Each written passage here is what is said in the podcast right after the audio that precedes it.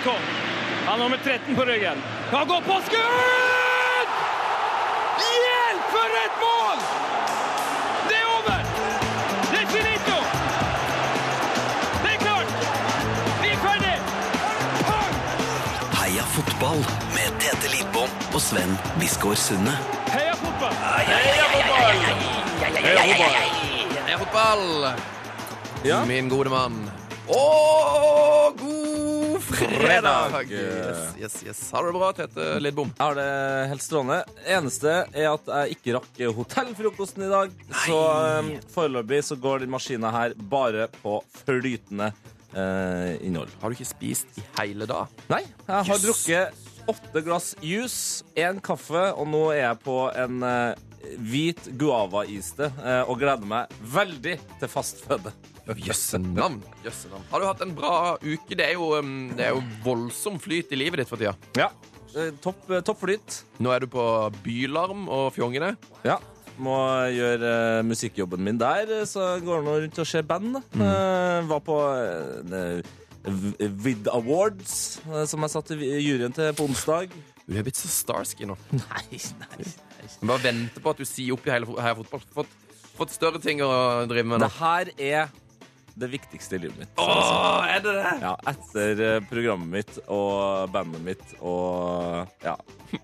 Som på tredjeplass. da. Mm. Og familien og Ja. kjæresten og, Ja. Mm. Ja, så Femteplass, da, kanskje. og Broses og bikkja. Ja, ja, ja, ja. Men enn du, da? Så du har jo faktisk rukket å se noe fotball denne uka. her. Det har jo ikke eh, I hvert fall ikke selve altså midtukekampene. Fikk ikke med meg. Fikk du ikke med deg noen ting? Nei, Satt på øving på det ene og With Awards eh, den andre. Så jeg slapp å se Tottenham tape 1-0. da, Det var for så vidt greit. Nei, det har vært en uh, strålende fotballuke. Manchester United er så voldsomt i dytten nå. Ja. Helt vilt. Så når, egentlig så går jeg bare og gruer meg til at de bare helt uforståelig skal ramle ut av form igjen og begynne å tape uh, kamper. ja. Eller så bare vinner de serien, plutselig. De kan altså, tenk, de kan gjøre det. Ja. Det er bare ti poeng opp, Det er rare greier, altså. og Leicester har enda ikke vært ute av form. Plutselig så snubler de. Så står van Gaal der med trofeet. Han står jo ikke. sjukt. Mest sannsynlig. Ligger Så ligger han. Noe annet, hva, noe annet som må nevnes fra uka? Nei, altså, vi, vi er jo på Bylarm, da. Eh, og det er jo godt at du endelig fikk kjøpt deg det båndet, eh, så at du er med, du òg. Ja da. og jeg føler at du koste deg relativt eh, greit i går. Jeg så Aiming for Enrique. Ja. For et utrolig Ja, det deilig er band. voldsomt godt var band. veldig altså. Mm. Og så så, vi, så jeg danske Liss. Ja. Til alle. Det var, det var listig. Det var listig. Du, Skal vi ta imot ukas gjest, eller er det Stemmer det at du har hørt den nye Kvelertak-låta? Om jeg har hørt den nye Kveldstaklåta, ja! Altså, Den er helt bra. det kommer en ny Kvelertak-låt. Tete uh, hørte hørt den. Det irriterer jo ganske mange at ikke alle har hørt den. Jeg Men måtte faktisk uh, gå på do på Kulturhuset uh, og sitte der for å sniklytte den. Du er blitt så stjerne nå. Nå skal vi ta imot en annen stjerne aldeles straks. Du. Det er klart for ukas gjest. Han fyren her har jeg spilt fotball mot. Nei! Jo. Det er sant. Heia fotball! Mm, Oh, yes. Nå skal vi, skal vi kose oss. Eh, ukas gjest han lyder til etter for et av de virkelig store fotballnavnene på Sørlandet. Eh, han har vokst opp dels i skjærgården og dels i en fotballgarderobe. Han har spilt både for IK Start og for eh, en hel haug med norsk ungdomslandslag. Han jobber for tida i TV 2, og jeg tror faktisk han jobber i IK Start. Ja, så vidt altså, er det, det må vi finne ut av her med en eneste gang. Jeg tror kanskje på sett og vis han fortsatt er aktiv spiller på aller høyeste nivå i Norge. Eh, Jesper Mathisen, velkommen til oss. Tusen hjertelig takk. Herlig. Er du, er du hvor, Hvorfor eh, Hvor aktiv er du? Er du? Spiller du ikke? Er du i start ennå, eller? Altså, jeg har, eh, jeg har vel vært i Start sin avstand i 11-12 år. Jeg har vært uh, skada i seks av de, og, eh, men alltid vært frisk de årene jeg skal skrive ny kontrakt. Det var jeg også sist, sånn at jeg fikk meg en god og lang kontrakt. Det vil si at jeg har fortsatt to år igjen av den kontrakten. Nei. Sagt, jeg har sagt fra meg deler av lønna selvfølgelig for å få lov å være med i TV 2, men ja, jeg er med og bidrar eh, i, i Start. Og eh, engasjementet mitt i kveld, eksempel, det er at jeg skal være konferansier på Starts årlige kickoff. Yes! Så eh, på mange måter er jeg faktisk eh, Norges best betalte konferansier. Men er du, eh, har du lagt opp, eller åssen åssen går det med fotballen? Du er jo ikke gamle karen. Nei, jeg er 28 år, men har hatt ni operasjoner i knærne mine. Eh, sannsynligvis så er det helt, helt kaputt. Men eh, et siste forsøk er hos en dansk kirurg. Ingen norske kirurger som lenger eh, tror på at de kan få fiksa noe i det der, men jeg har fått tak i en, i en danske. I, eh, I edru tilstand sa han at eh, han kom til å eh, prøve å gjøre noe med kne. Så 14. mars da ligger jeg under kniven i Stavanger for å se om vi kan få i gang kne. Om jeg kan spille fotball, det er veldig usikkert, men jeg har iallfall lyst å bli bedre i det kneet enn jeg er nå. Ok. Men, så, men i Stavanger, da, når han skal fikse en dag i edru tilstand, eller? Altså, jeg har spilt med en del dansker opp igjennom, og man vet jo aldri om de er i edru tilstand, men jeg håper jo at kirurgen iallfall er. Ja, eh, men helt seriøst, har du spilt med en full danske på fotballbanen noen gang, tror du? Ja, det tror jeg. Eh, jeg har jo spilt med, med David Nilsen, og det er klart det var noen eh, Han var ikke full, men at han hadde promille på noen økter, det tror jeg på. Ja, det, det, tror jeg, det kan jeg forstå. Så det kan jeg forstå. Det kan ikke jeg forstå. Men eh, ja, da, men da, da får han likt å ta seg en fest. Ja, eh, det var ikke bare han, men det er klart han kom hit en, en sommer. Han ble vel henta her i, i sommervinduet, og han kom til Kristiansand. Det var selvfølgelig strålende vær. Han gikk inn til eh, den største eiendomsmegleren i byen, og så sa han bare 'jeg skal ha det feteste huset dere har'. Så han leide altså eh, halve Flekkerøya, som ligger utenfor Kristiansand. Den, den feteste hytta der. Det kosta vel 20 30 40 000 i måneden å leie dette stedet. Eh, der koste han seg, og der hadde vi noen fester. Jeg sjøl som er avholds, jeg var på de festene, og jeg er vel en av de få som faktisk husker at de festene fant sted. Eh, Det var, det var topp stemning, og eh, det var, det var ikke alltid fotballen sto i høysetet i de månedene. Er du avholds, Jesper? Ja, jeg er avholds eh, når det gjelder eh, drikking. Eh, Jeg har aldri i mitt liv drikking, altså, hva Ja, annet du bruker? Nei, det altså blir en del kokain. ja, vi, går, vi går rett til topps på Sørlandet. Vi, vi har prøvd kokain, heroin, og er nå ferdig med å avslutte det. Jeg har aldri prøvd noe som helst av det tullet der. Jeg har hatt Paracet og Ibux, og så har jeg hatt veldig mye Voltaren. Ja. Eh, I tillegg, så når jeg sier at jeg er avholds mot det, så er det klart jeg er jo glad i å spille litt på oddsen. Det har jeg aldri lagt skjul på. Ja. Derfor sier jeg at vi har vel alle våre ting, men alkohol er ikke en av mine. Jeg har ikke toucha en dråpe alkohol. Jeg har ikke noe behov for det. Og eh, kan godt være at jeg får det i framtida, men ikke akkurat nå. Det er jo helt, wow. helt uh, fascinerende. Jeg, det, jeg misunner det. Det. Altså, jeg misunner det. Den eh, første festen. Altså, du kan ta den når du er 30, 35, 40, Og så er, det, 45. så er det litt med tanke på rikets sikkerhet. De sier vel at eh, når du, når du drikker, så er det noen av personlighetstrekkene dine som blir veldig mye tydeligere enn det. Og Ja. enten så er jeg utrolig blid, eller så er jeg utrolig forbanna. Så jeg tør ikke ta den sjansen. Nei, Du er redd for eh, åssen det vil gå, ja? Ja. Men du, det lurer jeg på, er det, altså, det å være avholds eh, i, i dag Er det litt sånn slitsomt? For sånn, sånn, jeg bare merka det nesten ble litt sånn flau sånn, over åssen jeg reagerte. For jeg bare sa sånn Jøss, er du avholds så utrolig rart? Men det, det må jo en være en helt sånn må være en, eh, din egen sak, det, liksom. Ja, det er jo for så vidt det. Jeg har, noe, jeg har ingenting imot de som drikker. Jeg har ikke noe imot de som koser seg med øl eller vin eller, eller verre ting. Det, det er helt topp, det. Men eh, akkurat for meg så, så passer ikke det. Og det, det er ikke noe Det ligger egentlig ingenting spesielt bak det, annet enn at jeg ikke har følt noe behov for det. Altså, jeg tenker at Hvis du får et comeback her nå, hvis han dansken virkelig rydder opp til kneet ditt, og du endelig får en tippeligakamp igjen, da må det være lov til å feire med en øl. Vet du hva? Hvis jeg får en tippeligakamp, så er dere to invitert til Kristiansand. Og så skal vi ha oss ikke bare én, men flere pils på Fiskebrygga. Yes! Så deilig. Hvor stor sjanse tror du det er for at du eh, kommer til å komme tilbake på, på fotballbanen? På, på start, liksom? Nei, så det er 1% Ja. Men, eh, men han lever. Han Er det- lever. er det kjipt, Drømmen eller? lever. Er det kjipt? Ja, det er f ufattelig kjipt. Fotball er det gøyeste man kan gjøre. Det er gøy å være på TV som ekspert osv., altså, for all del, men det å spille fotball Ingenting annet jeg har gjort, har vært i nærheten av det, så det savner jeg hver eneste dag, hver eneste helg. Og eh, jeg håper bare at eh, de som spiller fotball, vet hvor ufattelig heldige de er, for det er Sånn som jeg ser det, verdens beste jobb. Så jeg er glad jeg har gjort det i noen år, men jeg skulle gjerne gjort det i ti år til. Men eh, dårlige gener, eh, en dårlig dag på jobben når han der oppe, som gjorde at eh, knærne mine ikke hang helt sammen. Eh, apropos gener, du er sønn av Svein Mathisen. Et, et enormt Jeg fotballnavn. jeg liker at han sa dårlige gener, så bare Jeg har en sinnssyk fotballfar. Ja, du har, eh, du har ganske gode fotballgener fra, fra matta. Som de, hele, hele Norges matta.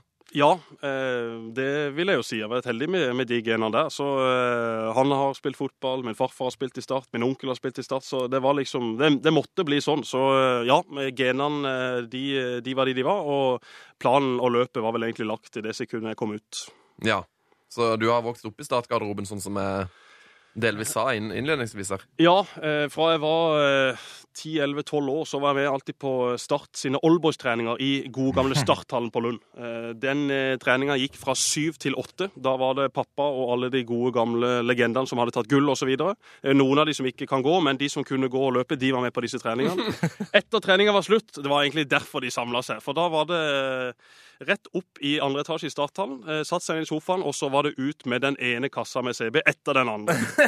Så eh, det var full fest. Ikke full fest hver fredag, men det var trening, og så var det sosialt etterpå. Og eh, sånn var det på den tida. Det var faktisk veldig gøy å, å være med på de kveldene, men halv ni, da var mamma på utsida, klarte å hente meg. Pappa, han ble igjen. Pappa ble igjen, ja. ja deilig. Um, du har eh, rett og slett satt en rekord i Heia Fotballs historie. Eh, jeg vil nesten si utrolig nok, for det, forrige uke så hadde vi besøk av Daniel Berg Hestad. Og da var det, ble det også satt rekord. Ja, for Vi fikk så utrolig mye spørsmål, og han liksom hadde spilt sin 900. kamp eh, for Molde og la opp. og Det var liksom sånn, det var veldig sånn det var, ja, det var et voldsomt trøkk rundt han. Moldes store sønn, rett og slett. Så vi fikk inn veldig mye lytterspørsmål, men denne uka her så har vi faktisk fått- fått inn enda flere.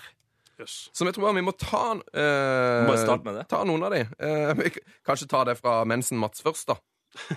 Eh, du kjenner jo til han, eh, også kjent som baron Mats Hansen. Yes, han kjenner vi alle. Mjøndalen-spilleren. Eh, han spør kan du beskrive hvordan cruise i Karibien i 99 forandret livet ditt for alltid. For alltid. Altså, I 99 så var jeg tolv år. Ehm, Jeg var på cruise i Karibien med min familie. En, en fin tur. Og i etterkant, da eh, altså når, eh, når Mats var besøkte meg altså for to år siden, fryktelig mange år etter dette skjedde, så sa Mats husker du da vi traff hverandre på cruise i Karibien? Nei! Jo. Eh, og jeg var jo ikke gamle karen, altså tolv år. Jeg husker, altså Med all respekt, Matt Hansen er en fantastisk bra mann, men jeg husker ikke Mats når jeg var tolv år. Nei. Men når jeg husker tilbake, så klarte jeg å finne langt tilbake på harddisken at jo, meg og pappa vi spilte fotball og basket med en nordmann som var litt eldre enn meg. Så jeg kom på det når Mats sa det, men det er ikke noe jeg har gått og tenkt på i mange år. Men i og med at eh, han mener at det endra meg for, for resten av livet, så er det mulig at Mats hadde noe, noe han gjorde med meg som ikke helt har forstått. Men, eh, men ja, jeg møtte Mats eh, Hansen på cruise i Karibien. Det, handler, vel kanskje mer om eh, at du var så god at han husker det? Sjefen. ja, han så vel allerede da at, eh, at han maks kom til å få én sesong i, i Tippeligaen, mens jeg skulle få iallfall to-tre. Så, eh, og så, så var det vel noe med at han kanskje kjente igjen min far, da, som uh, trykka seg fram på TV, han også. Så det er nok der det ligger. Jeg tror ikke det var mer han huska, men han huska nok eh, min far. og da, da får du meg med på kjøpet. Sånn er det bare. Når du var tolv år, hvor god var du i, i fotball da?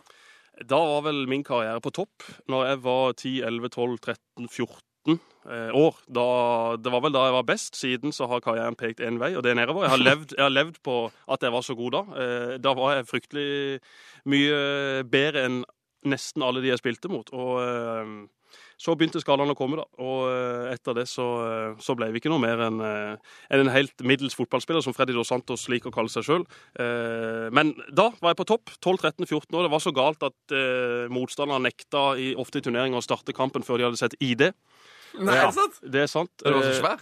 ja, jeg var svær, og så var jeg jo i all beskjedenhet ganske god på denne tida. Så vi skulle spille finale i Sebracup på Kristiansand stadion. Og vi møtte da et lag fra Jæren, eh, også kalt Bryne. Men Bryne nekta å starte finalen før de hadde sett passet mitt. Eh, Wow. Jeg hadde jo ikke med meg passet på kamp, men, eh, men pappa var selvfølgelig på andre sida, så han kom over og sa bare at eh, det, hva er dette for noe tull? La oss starte kampen. Kampen begynner. Jeg står på avspark. eh, Jeg får ballen. Jeg dribler alle seks utespillere på Bryne og eh, legger ballen i mål. Jeg løper bort til motstanderens trener. Eh, Nei. Jubler foran han, selvfølgelig, for det var han som ikke ville begynne kampen. Vi vant den finalen 8-0. Jeg skårte syv av målene. Ja da! Men altså, eh, jeg husker Det her husker jeg eh, ikke veldig godt, men jeg husker at jeg har spilt mot deg. Jeg klarer ikke å komme på hvilken cup det er, om det er en dansk cup eller om det var på Sørlandet. Og da opplevde jeg egentlig litt det samme som det jernlaget her. Altså, altså dere var så forbanna svære, og du var altså en gigant med teknikk og fart. Du hadde jo alt.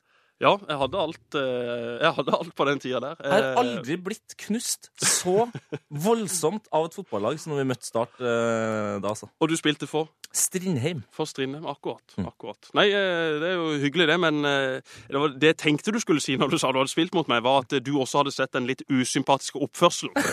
Nei, det For, for, for, for den er det dessverre mange som har sett på banen. Min mor ble så lei etter hvert at hun nekta å komme på kamper.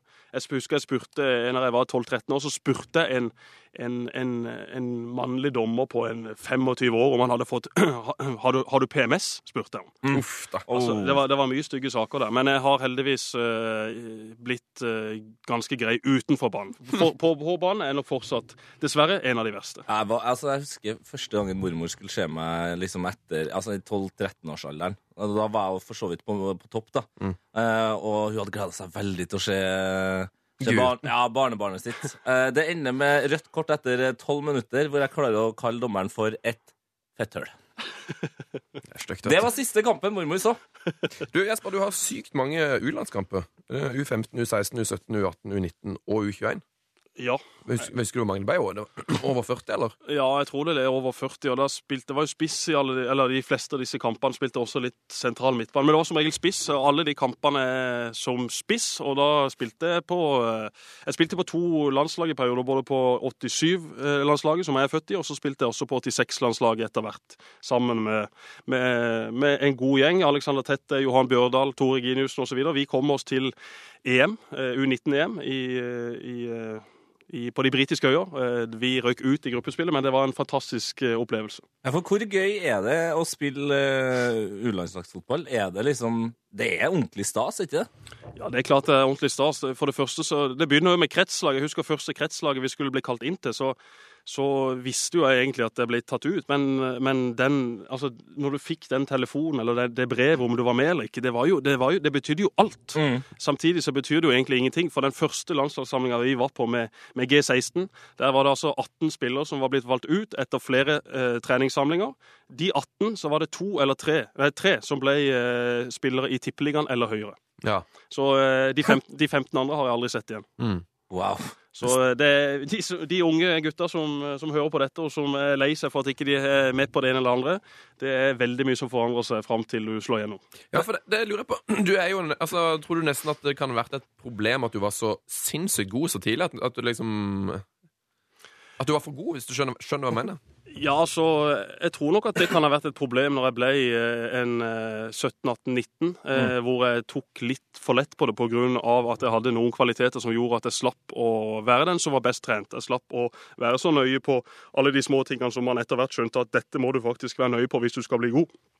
Så eh, ja, absolutt. Jeg tror jo ofte det kan være en fordel å, å komme litt bakfra og liksom ha jobba enda hardere for det. Jeg jobba ekstremt hardt, mye hardere enn alle andre jeg spilte sammen med når jeg var ung, men, men etter hvert så, så lever du på det, og så glemmer du at jøss, uh, her, eh, her blir du faktisk tatt igjen. Og i tillegg så kom det ekstremt mye skader i, i mine knær, og også der kunne jeg jo kanskje unnsluppet det hvis jeg hadde vært mer nøye med, med å trent opp muskulaturen rundt knærne osv.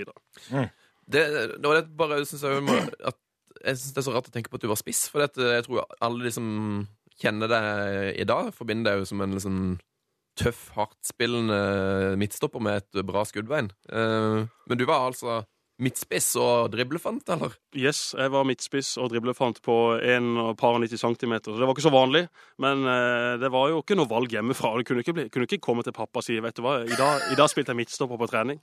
Det, det, var, Hadde han kommet til å få kjeft, da?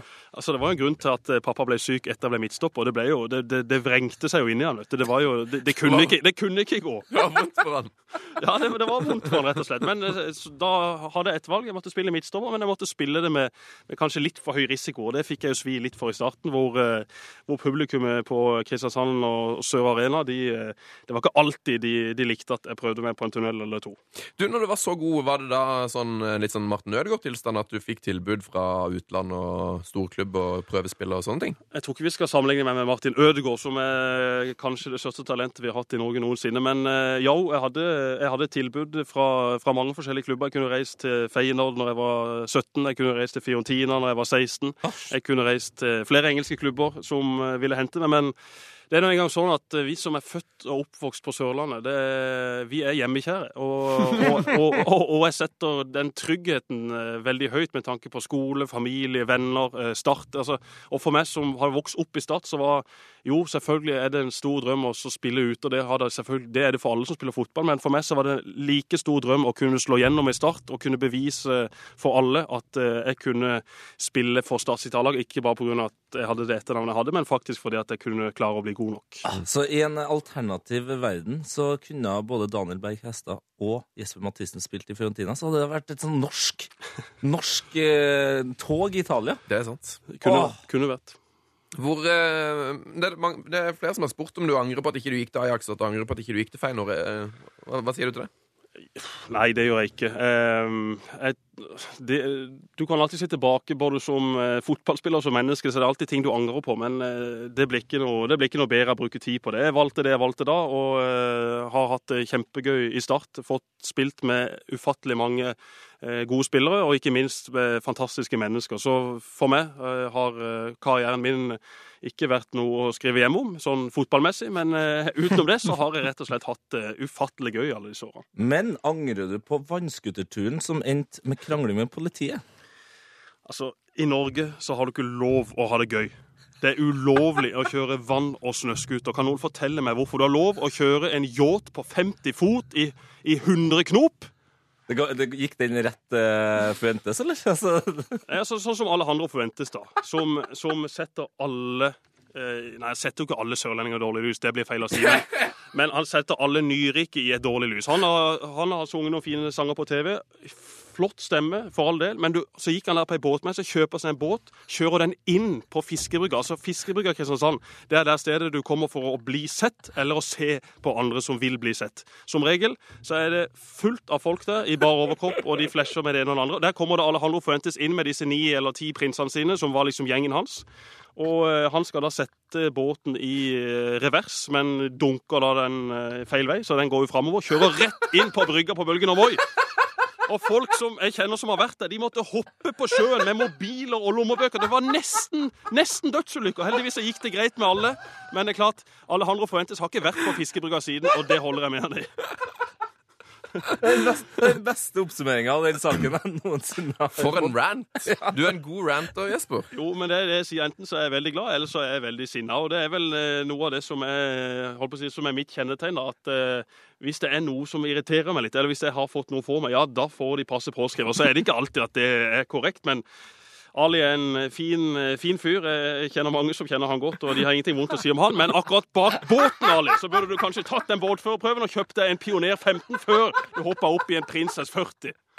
Men ja, vannskuter. Ja, Ja, ja, ja, det er ikke lov, det, er ikke lov, det er ikke lov å ha det gøy i Norge. Altså En vannskuter, nå, nå har de fått bremser. Nå kan disse vannskuterne stoppe på 4-5 meter, selv om de kjører i 70 knop. De går i 115 km i timen, men jeg har aldri i mitt liv vært redd for å kjøre vannskuter. Derfor kjører jeg ut i Søgne-skjærgården en stille og rolig sommerdag midt i juli. Det er topp stemning, det er vindstille. Jeg skal snart inn og grille på brygga med noen kamerater. Så kommer selvfølgelig politibåten etter meg. Og jeg kjører altså eh, 200 meter fra land. Og jeg kjører riktignok i 115 km i timen, men det er, altså, det er ikke en båt å se der ute, for alle ligger nærmere land. Men der har politibåten kommet seg ut. Så de stopper meg, da. Og jeg kjører bort til de og spør hva, hva er greia. liksom, hva, Kan ikke jeg få lov å kjøre akkurat som jeg vil? her? Nei, du, dette syns vi er uaktsom kjøring osv. Og så, så sier jeg ja, men OK, så vi må anmelde det, sier de. Ja, men det er greit, eh, bare anmeld meg. Eh, For jeg vet at eh, hvis dere anmelder meg, så gidder ikke dere bruke penger på å forfølge denne saken. Det er bare peanøtter med tanke på alt dere gjør. Gå nå heller inn til byen nattestid og så bruk ressurser der de burde brukes. Og så sier jeg til han politimannen Og vet du hva? Dere har sikkert vært ute her hele dag og bare kost dere. Dere har verdens beste jobb i sommer. Så ikke, la, ikke, ikke, altså ikke lag noe furore for oss som også syns at vi kan kose oss om sommeren. Nei, det er greit, sier politimannen. Men vet du hva? Vi har verdens beste jobb. Sett bort ifra det som er fotballspiller kan kjøre vannskuter her på fritida. Så det ble en disputt der med, med politimannen. Jeg ble anmeldt, eh, men eh, to måneder etterpå så kom eh, brev i posten, selvfølgelig, om at saken var henlagt. Ah, Tar et spørsmål fra Daniel Strandmyr. Kjenner du til han? Eh, navnet har jeg sett, men jeg, det, er ikke, det er ikke en omgangsvenn her, mener nei. Nei, faen, litt eh, rart spørsmål. Kan jeg låne hytta i Søgne i sommer, sier han. Ja, altså, den kan lånes. Eh, Mamma tar vel eh, 20 000 i uka, så, Nei, det er såpass, ja. så det er bare å ringe. Det er bare å ringe. Ja. Du, um, flere er som har spurt om um, Du er jo jobber som fotballekspert i TV 2, så du kan jo masse fotball. Så det er kanskje gøy at vi snakker, snakker litt, um, litt seriøst uh, aktuell fotball. Uh, Ayer til Celtic, hva, hva er dine tanker rundt det? Altså, Kristoffer eh, er en eh, utrolig moden gutt til å være 17 år. Det er ingen som skulle tro at han er 17 når du begynner å prate med han, når du begynner å gå sammen med han, når- du ser han spille fotball. Eh, han er ekstremt moden for alderen, og derfor tror jeg at han er klar for å reise ut. Om Celtic er det rette alternativet, det er jo selvfølgelig ting man kan spekulere i, men han var over der, eh, hadde ei fantastisk god treningsuke, eh, ble tatt godt hånd om av klubben, av Stefan Johansen, av Ronny Deila. Følte vel at dette er et nivå som han kan reise over på faktisk få spille om ikke altfor lang tid. Mm. Det er mange som har kritisert ham for ja, hvorfor reiser du ikke til Nederland eller til Belgia eller, eller alt sånt, men sannheten er jo også at Celtic var den klubben som ønska han mest. Det var de som la mest eh, penger på bordet. Det var ikke så mange andre alternativer som ville by eh, akkurat nå, for han har bare ett år igjen av kontrakten, så han følte seg veldig sterkt ønska. I tillegg så er han eh, veldig glad i å spille biljard, og da er jo Skottland en glimrende nasjon å reise til.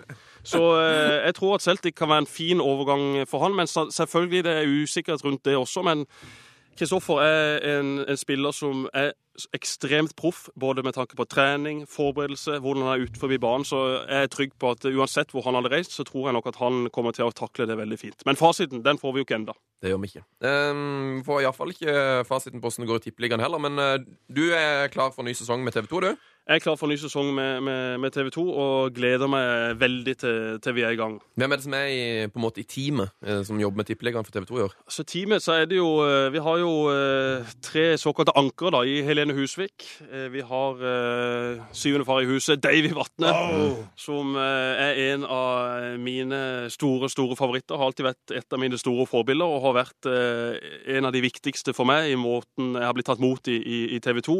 Og eh, han setter det enormt høyt. Ikke det at jeg ikke setter Helene også høyt, men Davy, er- han er spesiell. Så har vi fått tilbake da Jon Børrestad. Jon Børrestad som alltid snakker sånn som dette når han er på sending. Han må opp med lydnivå, og her skal det være entusiasme uansett om det bare er tippeliga. Det koker i studio! Det koker alltid på Marienlyst. Så han har vi fått tilbake. Veldig flink. Og så er det jo da disse eh, såkalte ekspertene, meg sjøl. Freddy Dos Santos, Ole Martin Årst, Mini, vi har Drillo. Og så har vi kommentatorer som Jørgen Klem, Harald Bredli, Marius Skjelbæk skal kommentere. Så uh, dette blir en eh, gøyal sesong. Personlig skal jeg kommentere mye mer i år enn jeg har gjort før som ekspertkommentator. Skal du kommentere? Yes. Du, nå- Jesper, du må snakke i mikrofonen. Vi mista deg ut nå, eller er det vi som har knota med? Hører meg? Vi hører deg veldig dårlig plutselig. OK. Uh, jeg har ikke gjort noe veldig her. Det er så rart. Det ble bare plutselig veldig mye lavt. Hører du meg nå? Nå hører vi deg bedre. Ja, men det er bra. Eh, Det er mulig at eh, Børrestad-etterligninga Ja, det er kanskje mye for en sørlandsmikk, eh, rett og Det er slett. det.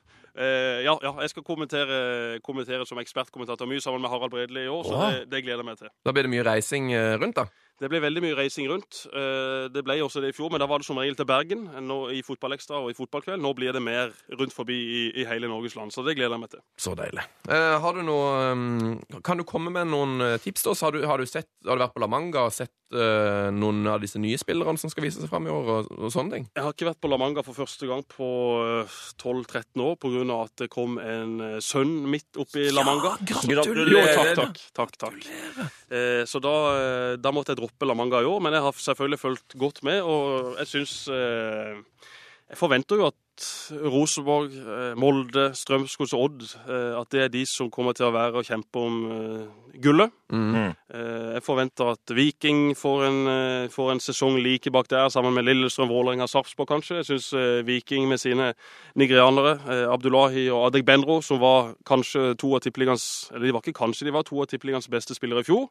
Så det var spennende å se om de utvikler seg videre. Og så har du de åtte så- nederste, da. De, de syns jeg er veldig vanskelig å, eh, å plassere. Der tror jeg det blir veldig jevnt. Jeg tror det blir ikke avgjort eh, før eh, sånn som, sånn som det var i fjor, at det ble Ja. avgjort i siste runde. Så vanskelig å skille der nede. Men i toppen så syns jeg det utkrystalliserer seg en fire, fire lag som er hakket bedre enn de andre. Men ser, det, er, det er mange som har trua på Sarpsborg i år. Som, som et, liksom et lag som kommer til å ja, Ta- ta steg. Ja, ta steg rett, eh, rett, rett oppunder de aller beste. Ja, jeg tror Sarpsborg eh, har gjort en, de har gjort en god jobb med tanke på de spillerne de, de har eh, bytta ut. Vi tippa de vel på åttendeplass i, i TV 2. og Det er jo selvfølgelig spennende å se hvem av disse nye som vil slå til, hvordan vil laget fungere når det er skifta ut så mye. Men det er ikke noe tvil om at de har bytta ut spillere som var på vei ned i sine karrierer, fått inn litt yngre og litt mer sultne. Så Thomas Berntsen og co. skal ha all mulig kred for den jobben de har gjort i vinter, men det gjenstår jo også der å se hvordan dette vil fungere når vi, når vi kommer i gang. Er det noen eh, sånn unge spillere som ligger i vannskorpa som du tror kommer til å, til å slå gjennom i år? Ja, det er det jo selvfølgelig. Mest spent på Rafik Seknini, som eh, på mange måter slo gjennom i, i fjor i, i Odd og Skien. Men, men i år sies det at han har utvikla seg enda mer, og det egentlig blir en forsterkning for Odd. Fordi han eh, har kommet til å levere jevnere på et høyt nivå. og det, er vel, det er vel den spilleren som jeg har liksom størst forventninger til av, av disse unge som går inn i årets sesong. Mm. Eh, Er det noen, eh, er det noen unge talenter i start som man bør se opp for? Ja, det er det. Eh, Vi har eh, bl.a. Mathias Rasmussen, som eh, skårte tre mål her for eh, U19 på La Manga i, i, på tre kamper der. Som er en slepen, offensiv midtbanekantspiller. Sønn av Roger Rasmussen, som har herja både i MK og i Lyngdal. Roger Rass! Å, jeg elsker Roger Rasmussen! Og han har, til meg med jeg hørt mye om på grunn av at Sven er så utrolig Ikke sant? Så dette er altså sønnen til Roger Rasmussen, så da, han har også genene i orden. Så eh, han er vel eh, Han er jo den liksom, av de unge, kanskje litt ukjente, som, som ligger langst frem i køen, og som det er knytta størst forventninger til i, i Kristiansand og i Start i år. Så det blir spennende å følge han. Åh, nå, nå ble jeg glad, Jesper. Ja, men, eh, men, men det kommer mye godt fra Lyngdal, altså. Ja, altså, men det, Du husker jo sikkert det MK-laget hvor eh, Som kanskje ikke så mange uten, utenfor Sørlandet husker, men det MK-laget som på en måte var det, Som var i ett år var bedre enn Start, faktisk. Historisk MK-laget. Der var jo Roger Rasmussen en av bærebjelkene. Vi slår Start ni av ti ganger, sa Svein Hansen. Eh, De slo han Start tre ganger på ett og samme år. To ganger i serien og én gang i cupen. Akkurat i 2003 så var liksom første året jeg var med og trente med A-laget. Jeg husker liksom oppbygginga til disse kampene kom jo båter på båter fra Mandal med, med, med grønne. Det var grønn power over hele fjøla. Kveldstimen. Og jeg husker jeg satt med pappa på tribunen og så uh, denne kampen hvor MK eh, og Henrik Nyhus og Atle Roar Haaland og Håvard Karlsen altså de, de rundspilte Start. De leda vel 3-0 eller 3-1 var de vant på Sørøya. Husker når det ble 2 eller 3-0, så reiste bare gamlefar og gikk. Ja. Og jeg gikk hakk i hæl. Det, det var det verste vi hadde sett. Det var ikke det verste jeg har sett. Kan Nei, si det, det skjønner jeg godt, men det var, det var, det var jo litt gøy òg på den tida med dette rivaleriet. Så nå er dessverre MK nede der de hører hjemme igjen. Så får vi se om de kommer opp igjen en eller annen gang. Ja, de er vel i tredje nå. Og åssen blir det med dette nye seriesystemet? Tror du at de klarer å, å holde seg i tredje? Altså, MK eh, er jo en klubb som har slitt litt økonomisk etter denne satsinga, sånn som det ofte koster å satse. Og så er det jo ofte problemet at det, det bærer man preg av i de årene som kommer. Eh, og det, da må man blø litt. Det har vel MK også gjort de siste årene, så jeg tror ikke MK sitt fokus er å, å komme tilbake igjen eller holde seg i tradisjon. Jeg tror det viktigste for MK nå, som det er i veldig mange andre klubber på det nivået, å utvikle egne spillere som de f.eks. kan levere til Start, sånn som de har for nå gjort med Eirik Vikne, som er én av fire. Han er altså han, han, har, han er firling. Og mora fikk fire unger. Han er 18 år og kommer til å starte første, høyrekamp, nei, første kamp eh, mot Lillestrøm som høyre back. Eirik Vikne. Så eh, tenk på det at eh, hun, mora der hun fortjener eh, kongens eh, fortjenestemedalje. Det er jo min gamle nabo Gamle nabo i Mandal, dette her. Det er det. Ja, de, jeg husker for det, når de fikk firlinger, så var det jo mye skriveri om de i avisen og sånn. Yes. Så jeg husker de fikk en, de fikk en bil av Volkswagen eller noe sånt. Fordi at eh, de, Ja, den burde vært stor. de måtte ha, ja, de fikk en karavelle. Ja. Så det var vakkert. Karavelle, faktisk. Du liker å si det? det. Ja, hva sier dere? Karavell. Karavell. Ja, vi sier karavelle her nede. Ja, vi sier karavelle på Sørlandet. karavelle. Så sier man ræ- ræger. Rægor. Ja, vi sier reger, og på Flekkerøy så er de ræg. Apropos Flekkerøy og Reke. Ja. Den uh, legendariske overgangen. Det var vel en spiller som ble solgt for uh, noen kilo reke her. Det var det. Kenneth Christensen gikk for sin egen vekt i reker fra Var det Fløy til Vindbjart eller Vindbjart til Fløy? Det husker jeg ikke. Men eh, overgangssummen ble iallfall betalt i reker, og det var sikkert Fløy og Flekkerøy som betalte i reker, så da får vi si at han endte opp i Fløy. Ja, Verdenskjent overgang. Ja, En Ja. verdenskjent overgang. Ja, det er veldig Det er veldig sørlandsk, i hvert fall. Det er det ingen tvil om. Eh, vi har fått, vi, som sagt, veldig mye lyttespørsmål.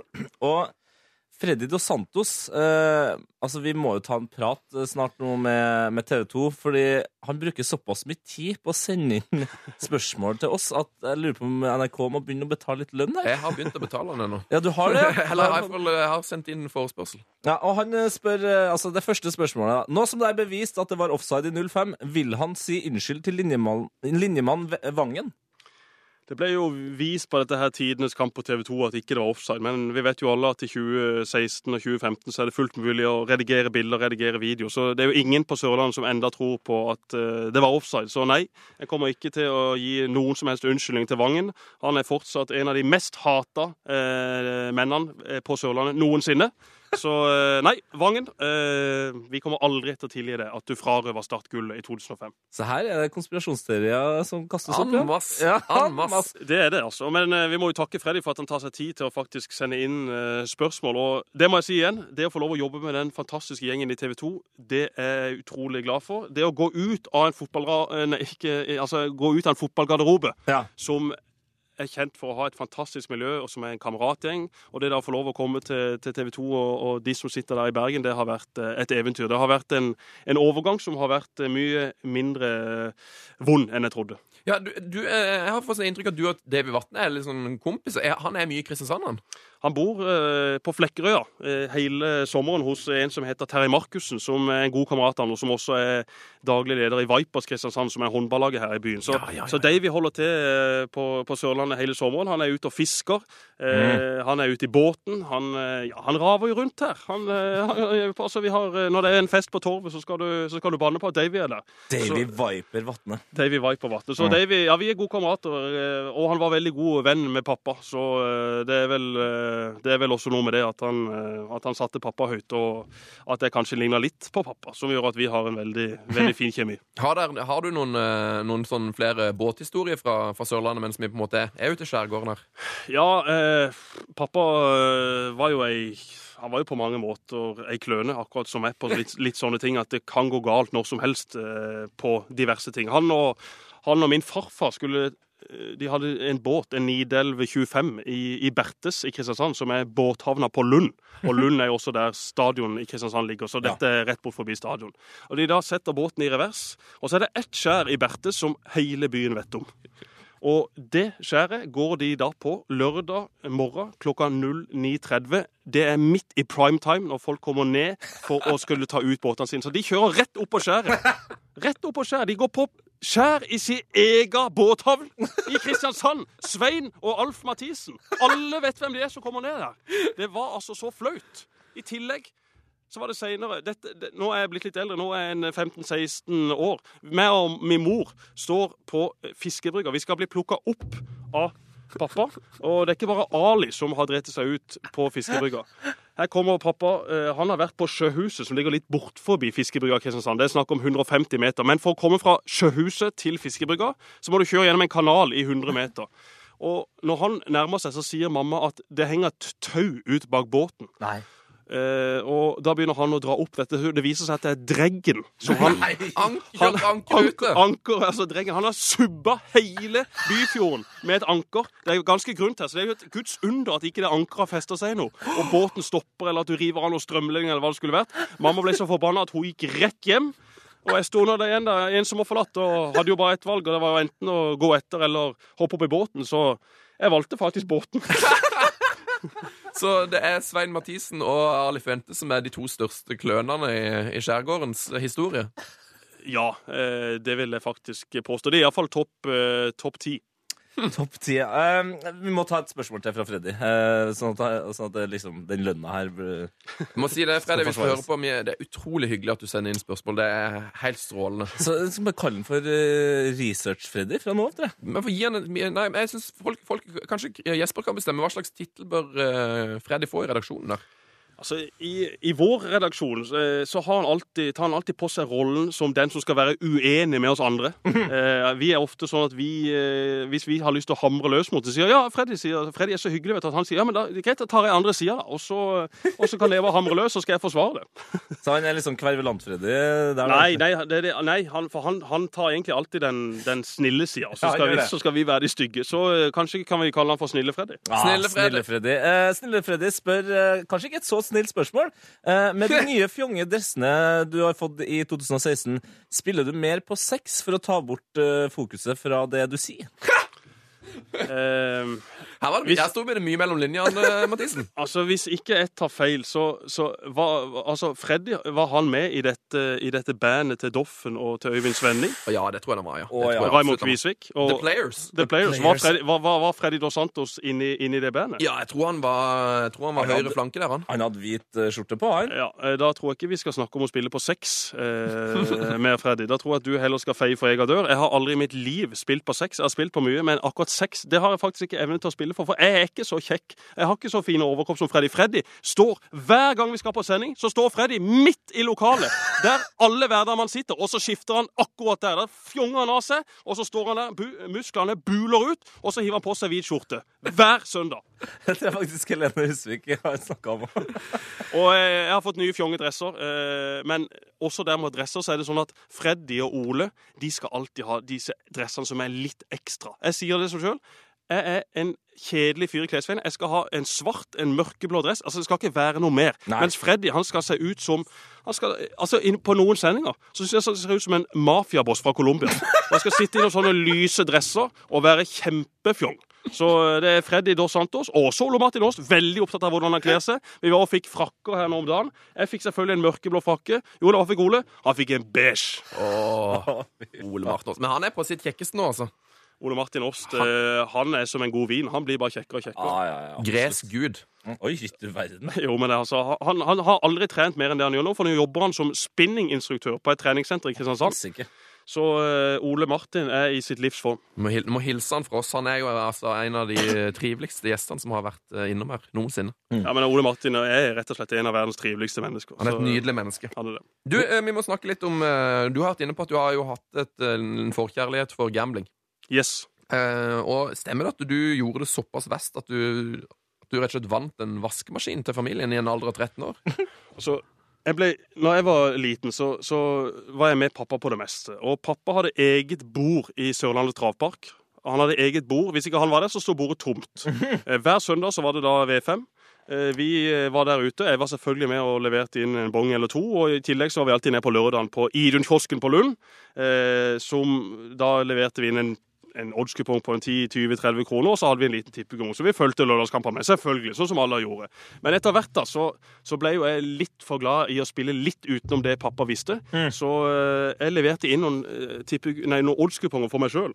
Og dette var jo i gode gamle dager, når du kunne spille det du ville på Norsk Tipping Ja. uregistrert. Riktig. Så lenge du bare leverte inn en kupong som gjorde at ikke du vant over tusenlappen, for da fikk du ikke pengene kontant. Nei.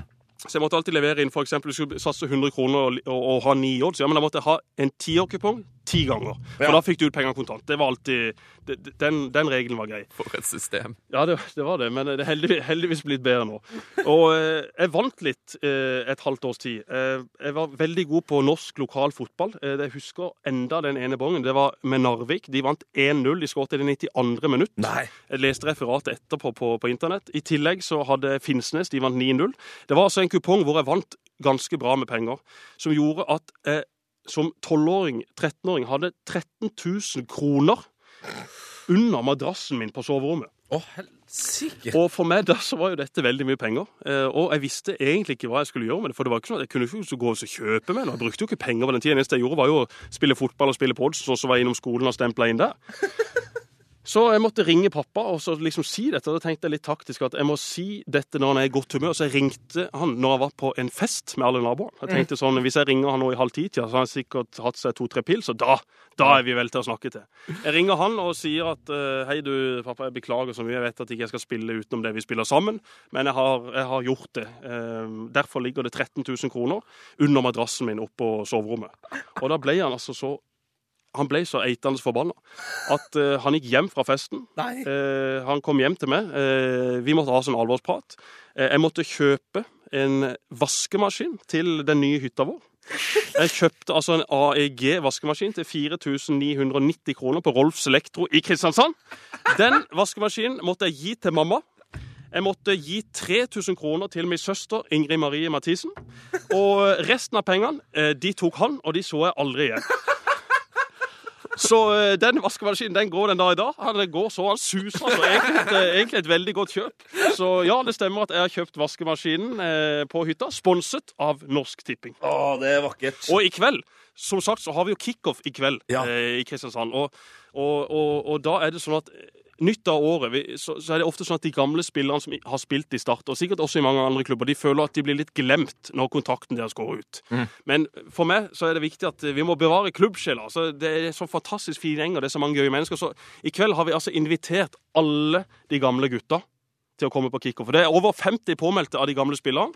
De kommer til å komme, og da i min stil Jeg skal være konferansier, og da har jeg selvfølgelig lagt klar odds på hvem som kommer til å være mest i baren. Altså hvem kommer til å bestille flest enheter. Steinar Pedersen han står i 1000 i odds. Han kommer ikke til å vinne den konkurransen. Jeg kan bare ta kjapt de som, Ja, de som står som de tre favorittene. Det er faktisk Ole Martin Horst. Oi! Han kan, eh, når han eh, er i godt selskap, så, så, så, så dunker han på. Han står da i 1,50 i odds. Eh, nummer to på den lista, det er vår eh, direktør i Start, Even Bransdal. Han, han også er glad i et eh, godt glass når det, er, når det er godt liv. Og så favoritten. Han står i 1,15. Altså, han er spilt ned. De har spilt fra Asia, fra England, de har spilt fra alle verdenskanter. Denne mannen kommer til å vinne kveldens konkurranse. Han heter Knut Henry Haraldsen. Knut Henry! Ja. Det er kanskje ikke verdens beste fotballspiller, men på fest det er ingen som er i nærheten. altså. I Ole Martin Åst sitt 40-årslag. Han var all over the place. altså. Det var mange gøye gjester, men det var ingen andre som husker noe annet enn at Knut Henry Haraldsen var konge den kvelden.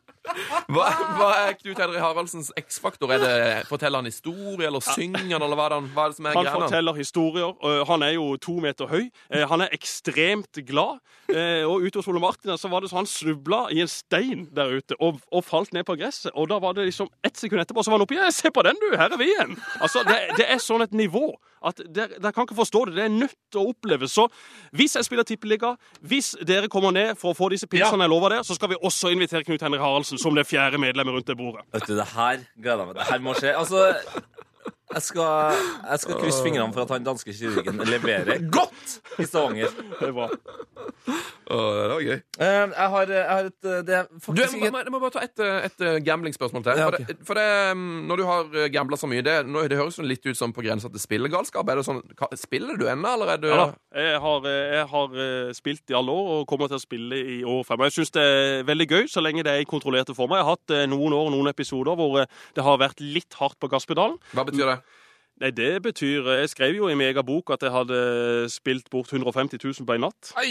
Eh, men dette er jo ikke penger som er lånt. Dette er ikke penger som eh, jeg har eh, Altså, dette er penger som allerede er vunnet. Så, så jeg tenker liksom Det høres veldig brutalt ut, men, men eh, det er aldri sånn at jeg har skyldt noen penger. Det er aldri sånn at jeg har lånt opp penger for å spille, for dette er penger som har vært eh, rent overskudd av ting jeg har eh, vunnet før. Så derfor har det vært litt vilt i perioder, og nå er det i meget kontrollerte og fine former. Jeg syns det er gøy, jeg syns det er spennende med sånne ting, og det kommer jeg til å fortsette med. Ja, ja, det er fint. Eh, et, det er vel kanskje ikke et lyttespørsmål, men eh, det er mer en overskrift, og så får du bare fortelle historien.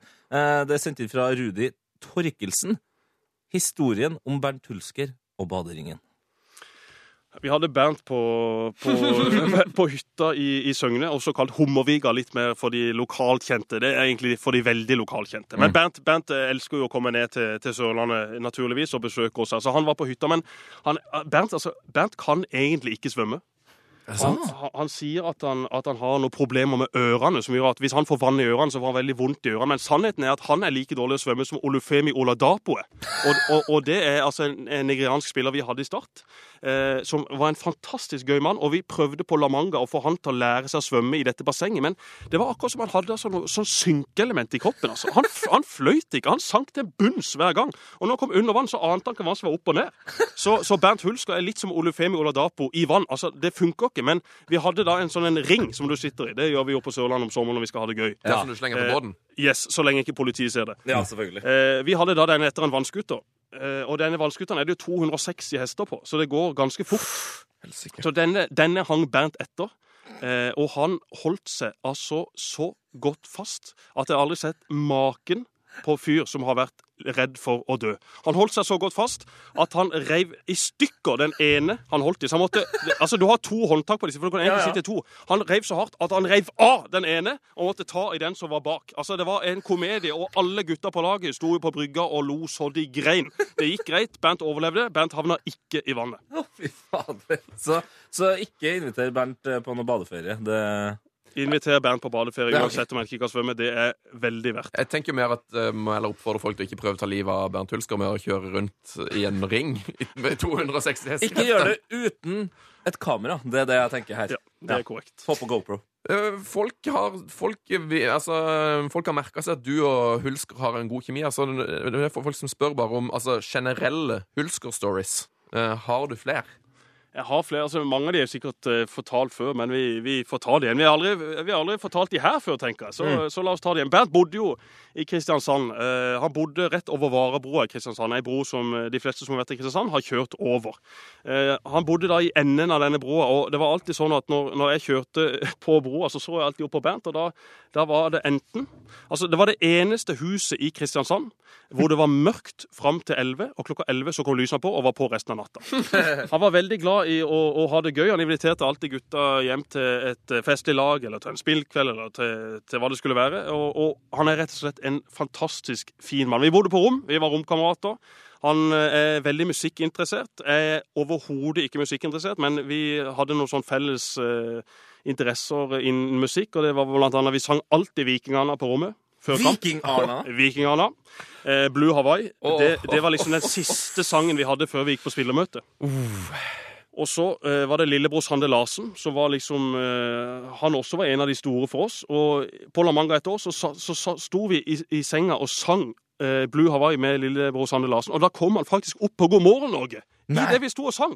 Det var nesten så vi hadde liksom en connection med lillebror. Så Bernt har vi, Bernt har vi hatt utrolig mye gøy med. og som jeg sier, De fleste historiene er sikkert fortalt før, men det er rett og slett en person eh, man, man savner. En person man setter utrolig stor pris på, og som er enormt gøy hver gang eh, man møter han. Så han gikk alltid også i disse Pierre Robert-boksere du får kjøpt på Joker. De koster 99 kroner. Bernt kjøpte alltid ti i slengen.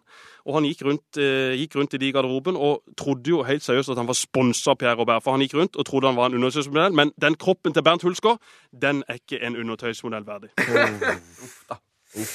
Du, Vi tar et eh, spørsmål fra mm, din gode venn og kollega Pål W. Jørgensen. Han spør eh, hvilken er Norges beste fotballpodkast. Altså, det er jo tre som skiller seg ut.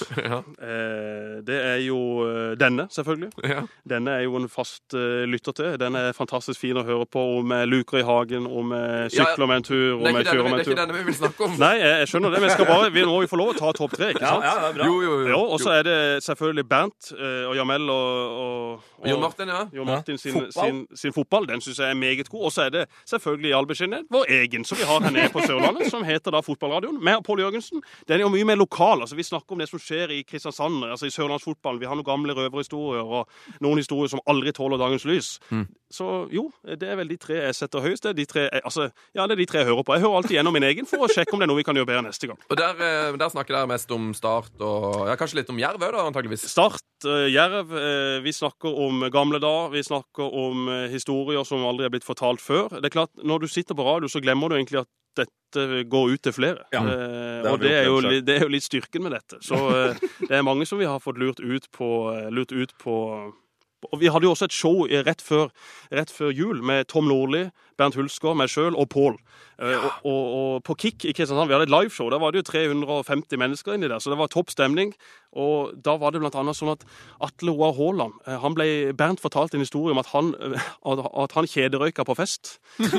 Eh, og i etterkant så har det kommet fram at Atle Roar ikke likte dette, for han er veldig opptatt av å være et godt forbilde. Og Atle Roar er et godt forbilde, men jo, han hadde seg en røyk eller to på fest, men dette likte ikke Atle Roar. Så han, han, eh, han har ikke takka ja til vår forespørsel.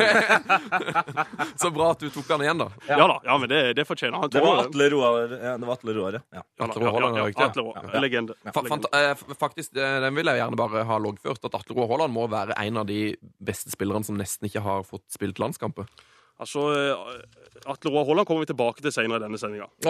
OK, ok, ok, da skjønner jeg. Eh, det betyr vel at vi snart skal til ukens drømmelag. Du, Vi har fått så mye spørsmål, og nå har vi snart snakka en time, så vi kommer ikke til å rekke alle. Men vi kan ta et par til. Har du, en, har du et favorittspørsmål her, Tete Guttensen, du ikke har fått tatt? Eh, ja, for det er et spørsmål som Jo, jeg forstår det faktisk eh, når jeg tenker meg om. Eh, det er fra Ole G. Sørensen, som eh, lurer på B. Jesper rangerer sine topp tre kofter skråstrek ullgensere ingen vet å kle seg som Jesper. Og det er vel også kalt røykejakke, eh, det her, eh, det her Altså, for først, han som har satt inn spørsmålet, Ole Gerhard Sørensen, han har også spilt i Start. Startlegende. Ja, ja, ja. Og, og han, Startlegende. En fantastisk fin mann. Og han, han var jo den altså, Balagaba eh, Vi må ta en liten, liten avsporing, så skal vi komme tilbake til disse ullgenserne. Ja, men, men Balagaba spilte jo i Start. Og Ole Gerhard Sørensen var sjåføren til Balagaba før jeg kom inn i Asdalen. Ole Gerhard Sørensen kjørte Balagaba til trening i ett år. Altså, Han bodde over Inge Dipner musikk i Kristiansand. Det er rett før du tar over Lundsbrua til å kjøre inn i byen. Eh, De som har vært i, i byen, har sikkert sett den fantastiske musikkforretninga der. der. Over der bodde Balla, sammen med sin kone og sine unger. Ole Gerhard måtte kjøre en skikkelig omvei for å hente han hver dag, og etter ett år så fikk altså Ole Gerhard Sørensen eh, Han fikk ei han fikk, det, han fikk tre liter med saus. Som, eh, Saus? Ja, saus! Som skulle ha på maten. Sausen smakte dritt! Han smakte ingenting! Han smakte på han en gang og måtte bare hive resten. Det var helt fryktelig, den sausen. Det fikk han i gave av Balla. Det fikk han av gave. liksom, Thank you for driving me, Ole. Det var liksom takka. Tre liter med saus som han ikke kunne bruke til noe annet enn uh, å drepe maurtua som lå forbi huset. Men Bala er en fantastisk mann, men akkurat det å takke for turen med saus Jeg, gjorde, jeg kjørte han de to neste årene. Jeg fikk 100 spenn en gang. Så her, her har du penger for bensin. Det var liksom det jeg fikk. Altså, Bala Gaba, en fantastisk mann. Men Bala, vi brukte tusenvis av kroner på å kjøre de så. Vi kjørte gjennom bomringer, vi brukte bensin, vi brukte diesel, og vi sleit ut registerreim og det ene og det andre i disse bilene våre. Det eneste vi fikk tilbake, det var saus og en hundrings. Uff a meg, altså.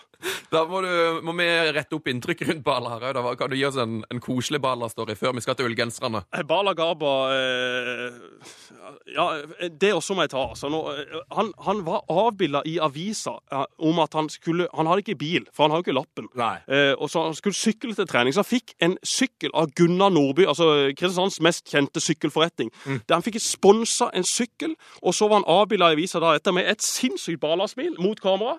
Og, og han sier at eh, denne skal jeg bruke til trening hver dag. Jeg, jeg satser på miljøet osv. Det var ingen som så denne sykkelen etter den artikkelen i avisa. Jeg har aldri sett den sykkelen.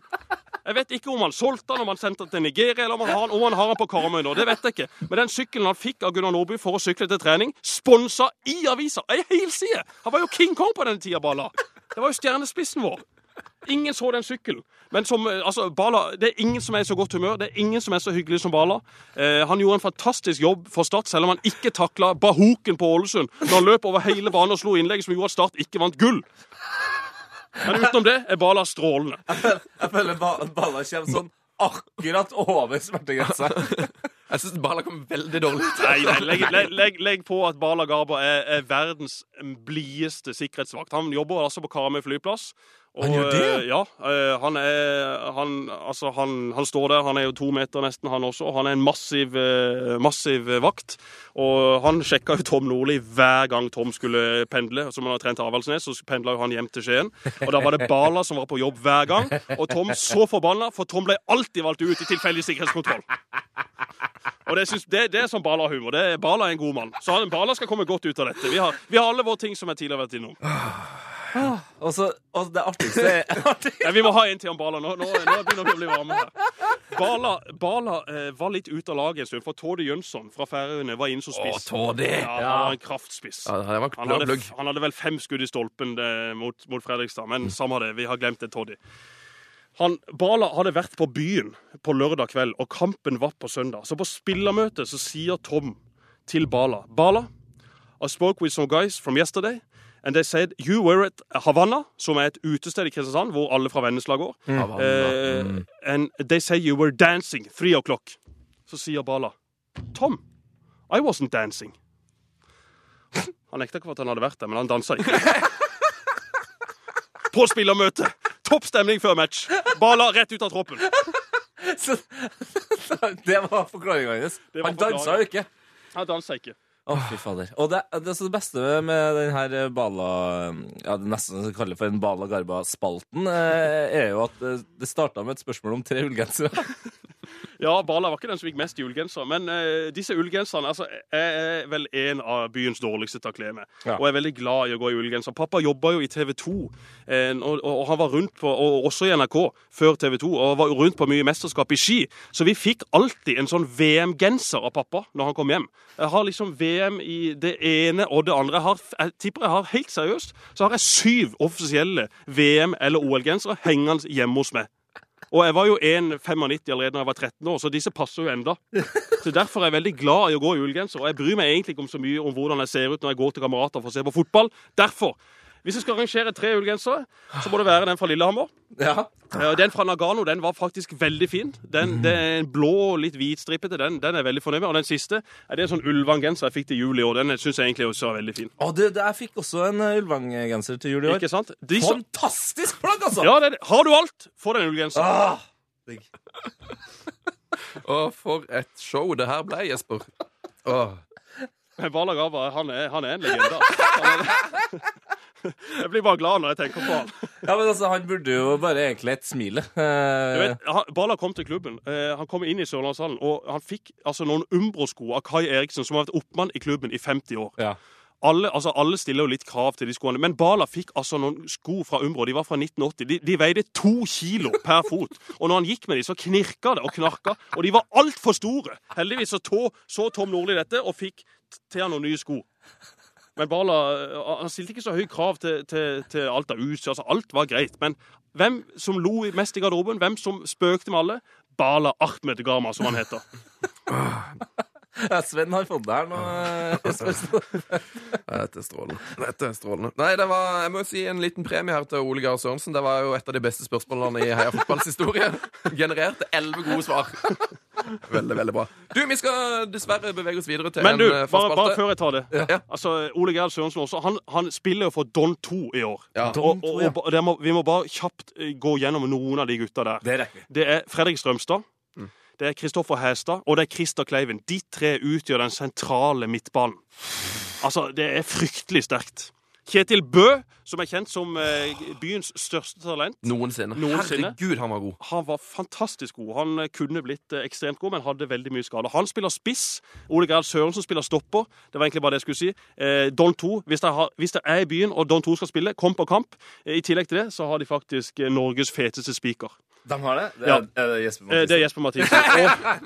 Og, og eh, i, i fjerdedivisjon så, så er det jo ikke Det er jo ikke fjerdedommer som kan vise hvor, hvor mye tillagt tid det er. Så vi må alltid spørre over høyttaleranlegget hvor mye dommeren har lagt til. Yes. Og noen ganger så nekter dommeren, for noen har jo observatører på, på besøk, så de nekter jo å svare oss, men du ser at de begynner å le litt jo flere ganger man spør dem.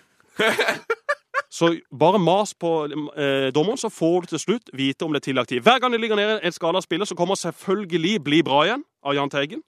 Og hver gang det er corner Husker du før i Tippeligaen så kunne du spille musikk? Altså Ja, life, ja, ja. life is Life med Opus, eller hva det heter disse her. Jeg kan ikke så mye musikk, men den gikk alltid på Kristiansand stadion før. Den spiller vi selvfølgelig hver gang Don får corner i år også.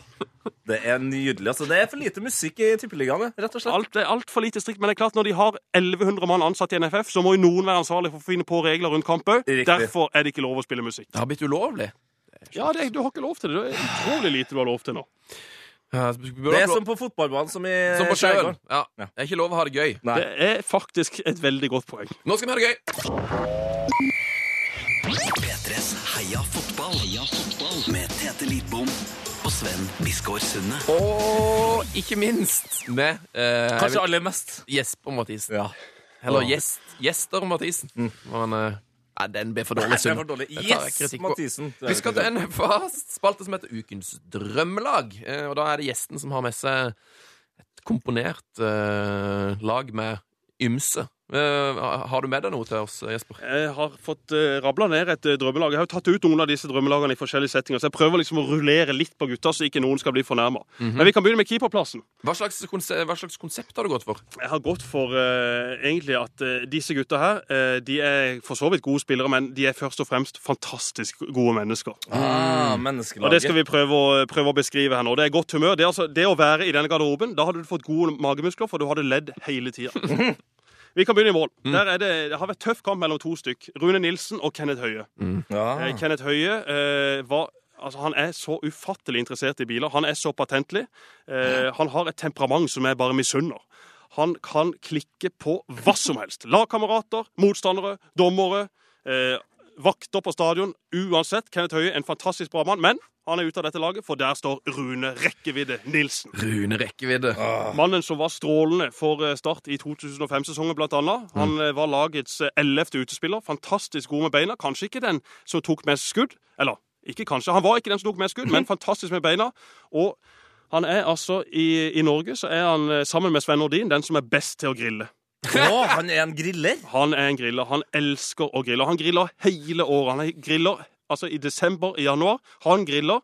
Og oh. hver gang vi var på La Manga, hver gang vi var eh, på, på treningsleir i Spania på La Manga, da eh, får man jo pasta og kylling stort sett. Det var vi veldig lei av etter hvert. Da var det en drøm å ha Rune på rommet. Han kjøpte de deiligste biffer, marinerte de dagen før, på grillen dagen etter. Du vet, vi var på treningsleir, egentlig skal man gå ned i vekt, men bodde du på rommet Rune, ja, da gikk du faktisk opp, for det var så mye god mat. Så Rune Nilsen eh, jobber i dag som bankmann, selvskreven på dette laget. Strålende. Jeg, jeg tviler nesten på at han er glad, så glad i å grille som eh, Rune Tangen. Altså, jeg har hørt noe rykter om at han Hva er det med runenavnet og grilling? Rune Tangen og Kjell Olofsson griller visst omtrent daglig eh, borti Moss der. Jo, men det er noe med Rune at ha, altså, Det er mulig at de griller mye, men, men Rune griller godt og mye. Oh, er. Ja, Hvilken formasjon har du, forresten? Eh, akkurat sånn som det er nå, så er det én, eh, tre, eh, fire, fem. Det er litt mange spillere her, så, så jeg, skal jobbe, jeg skal jobbe med nedover lista. Ok, Nestemann. Eh, det er Atle Roar Haaland. Og der kom han, ja. som midtstopper. Altså, For en fantastisk spiller. Han kom egentlig litt fra intet. Hadde vært i MK, hadde vært i USA. eh, Ble henta fra MK. ble- vel kjøpt for 800 000, Sven, hvis ikke jeg tar helt feil. Det tror jeg stemmer ganske riktig. Nest dyreste spiller i MKs historie. Ja, Og kanskje den beste overgangen Tom Nordli og Erik Soler gjorde inn til dette laget. Han var ufattelig viktig både på og utenfor banen. Røyke, eller? Nei, han røyka en røyk Nei, eller to på fest. Altså, Det var ikke noe mer. Atle jobber i dag i Agder fotballkrets. Er En fantastisk bra fotballmann. En fantastisk eh, nabo med min søster. Ser ofte Atle. Eh, Rett og slett en, eh, en ternekast seks, både på og utenfor banen. Selvskreven. Og kaptein på dette laget, for han er vel den eneste her, sammen med Rune Nilsen, som faktisk har sunn fornuft. Tom, Tom Nordli sa vel at, at Atle Roar Haaland var den smarteste fotballspilleren han hadde trent. Ja, eh, det Stort fotballhue. Ja, han, hadde, han var veldig fotball, var jo også, altså, han var veldig delaktig i hvordan Start skulle spille, både framover og også forsvare seg, og var veldig tydelig. Så det å få lov å være ung eh, når Atle var på trening, det var alltid, alltid hyggelig. Men en gang så ble han forbanna på meg. Eller ikke en gang. Jeg, har, jeg, jeg totalt usmakelig noen ganger på banen, men, men han klikka på meg en gang. Eh, De skulle øve. Det var en viktig kamp dagen etter.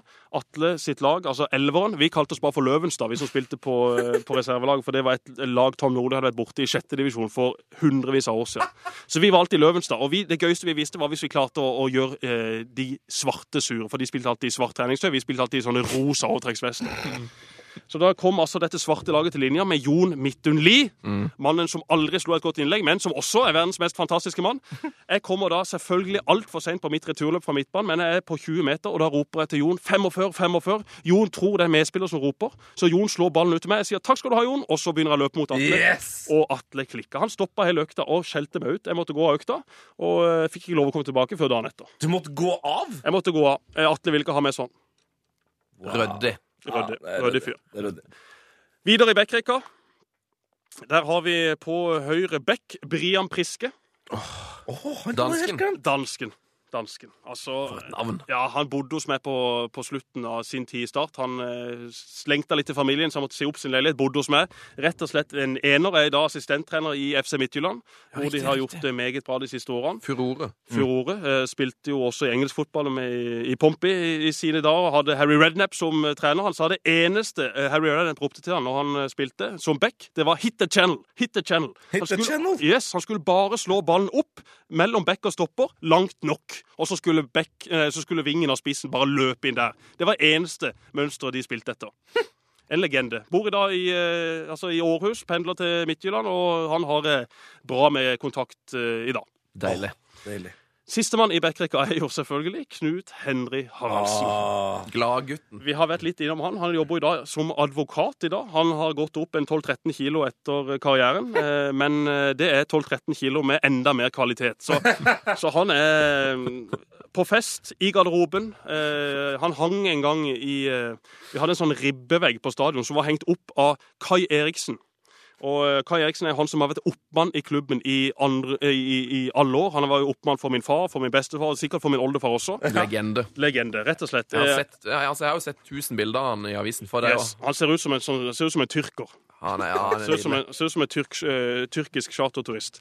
Men, men han, han, uh, han er æresmedlem i klubben. Han hadde hengt opp den ribbeveggen. Og det, noen ganger så går det litt fort med Kai på sånne ting. Så Knut Henry hang seg opp ned i denne for at det skulle liksom tøye ut. Og idet han henger opp ned i den ribbeveggen, Oh. så Nei. får han ribbeveggen med seg nei. på fysiorommet. Og jeg mener det, jeg har aldri i mitt liv ledd så mye. Det var ingen andre som lo. Alle andre lurte bare på åssen det gikk. Men kan du se for deg det? En Knut Henrik Haraldsen som henger opp ned. Altså to meter humor. Faller bakover med ribbevegg. Altså, du ser for deg han holder akkurat som en stige ikke sant, i tegnefilmene som bare begynner å falle bakover. Sånn så Knut Henrik Haraldsen ut. Med en ribbevegg. Og sk skruefester han bare rett ut av den der betongveggen. Altså en stadion til 500 millioner. De klarer ikke å henge opp en ribbevegg der engang. Å, fy fader. Det, er- det er jo skikkelig eh, American eh, Funniest Videos, det der. Altså. Ja, Det er høyt nivå på forsvarsrekka. Jeg, jeg gleder meg til midtbanen, Jesper. Det holder med de tre. Dette laget skal skåre mer mål. Eh, Det er det som er fokus på dette laget. Martin Borre spiller høyre kant. Martin Borre. Han hadde ikke veldig mange kampene i start, men spilte her et halvt år. Han er egentlig med fordi at eh, meg og han hadde det ufattelig gøy med sykling. Altså, Vi er, vi er veldig sykkelinteressert. Jeg har alltid fulgt med på Tour de France. Eh, Jeg husker når Michael, når Michael Rasmussen vant Polkadotten og Tor Hushovd vant den grønne trøya. Begge disse sto i fire i odds før Tour de France starta. Jeg satsa 5000 på Tor Hushovd og 5000 på Mikael Rasmussen. Det var 40 blås rett ut etter Tour de France. Siden det har jeg fulgt med på alt som er av sykling. Men i alle fall. Ja, vi, vi, Borre. Altså Borre. Vi var interessert i sykling, men også et sykkelspill som kan spilles på PC, som heter Pro Cycling Manager. Der er du egentlig Åh, det har jeg spilt mye. det er godt. Da er, da er vi på samme Ja, Da er vi på nett. det er vi gøy. nett. Eh, Det er altså, For de som ikke har spilt det, da, det er jo egentlig sånn som FM, bare for sykling. Du er altså sportsdirektør for et sykkellag. Vi satt alltid og spilte dette spillet når vi var på treningsleirer, eller når vi var på turer til, til kjedelige steder. Og det ene, ene, ene kampen skulle vi møte Moss i cupen. Og vi eh, hadde jo med oss PC, selvfølgelig. Vi skulle spille hele turen. Vi, vi hiver eh, eh, kabelen i kontakten, og idet vi gjør det, så kortslutter hele bussen. Og han bussjåføren fly forbanna for at vi hadde prøvd å sette opp en PC. Men vi skulle kjøre til Moss, fram og tilbake. Eh, jeg skulle sitte på benken. Altså, Hva i all verden skulle jeg gjøre hvis jeg ikke kunne i hvert fall spille sykkelspillet fram og tilbake? Så jeg i bilen min, hiver meg i bilen. Jeg kjører ut til Biltema, for jeg vet jo at det tar litt tid å få opp og gå denne strømmen igjen i bussen. Så jeg rekker sikkert å kjøre ut til Biltema. Jeg kjører ut på Biltema, jeg løper inn. Jeg kjøper et bilbatteri. Det koster helt seriøst 800 kroner. Så måtte jeg kjøpe en sånn strømomformer fra bilbatteri til vanlig kontrakt. Den koster 1000 kroner. Det koster meg 1800 kroner.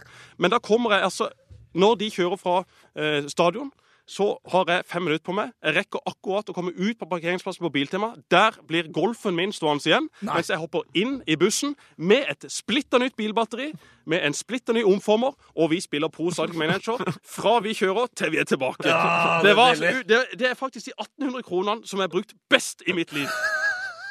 Fantastisk.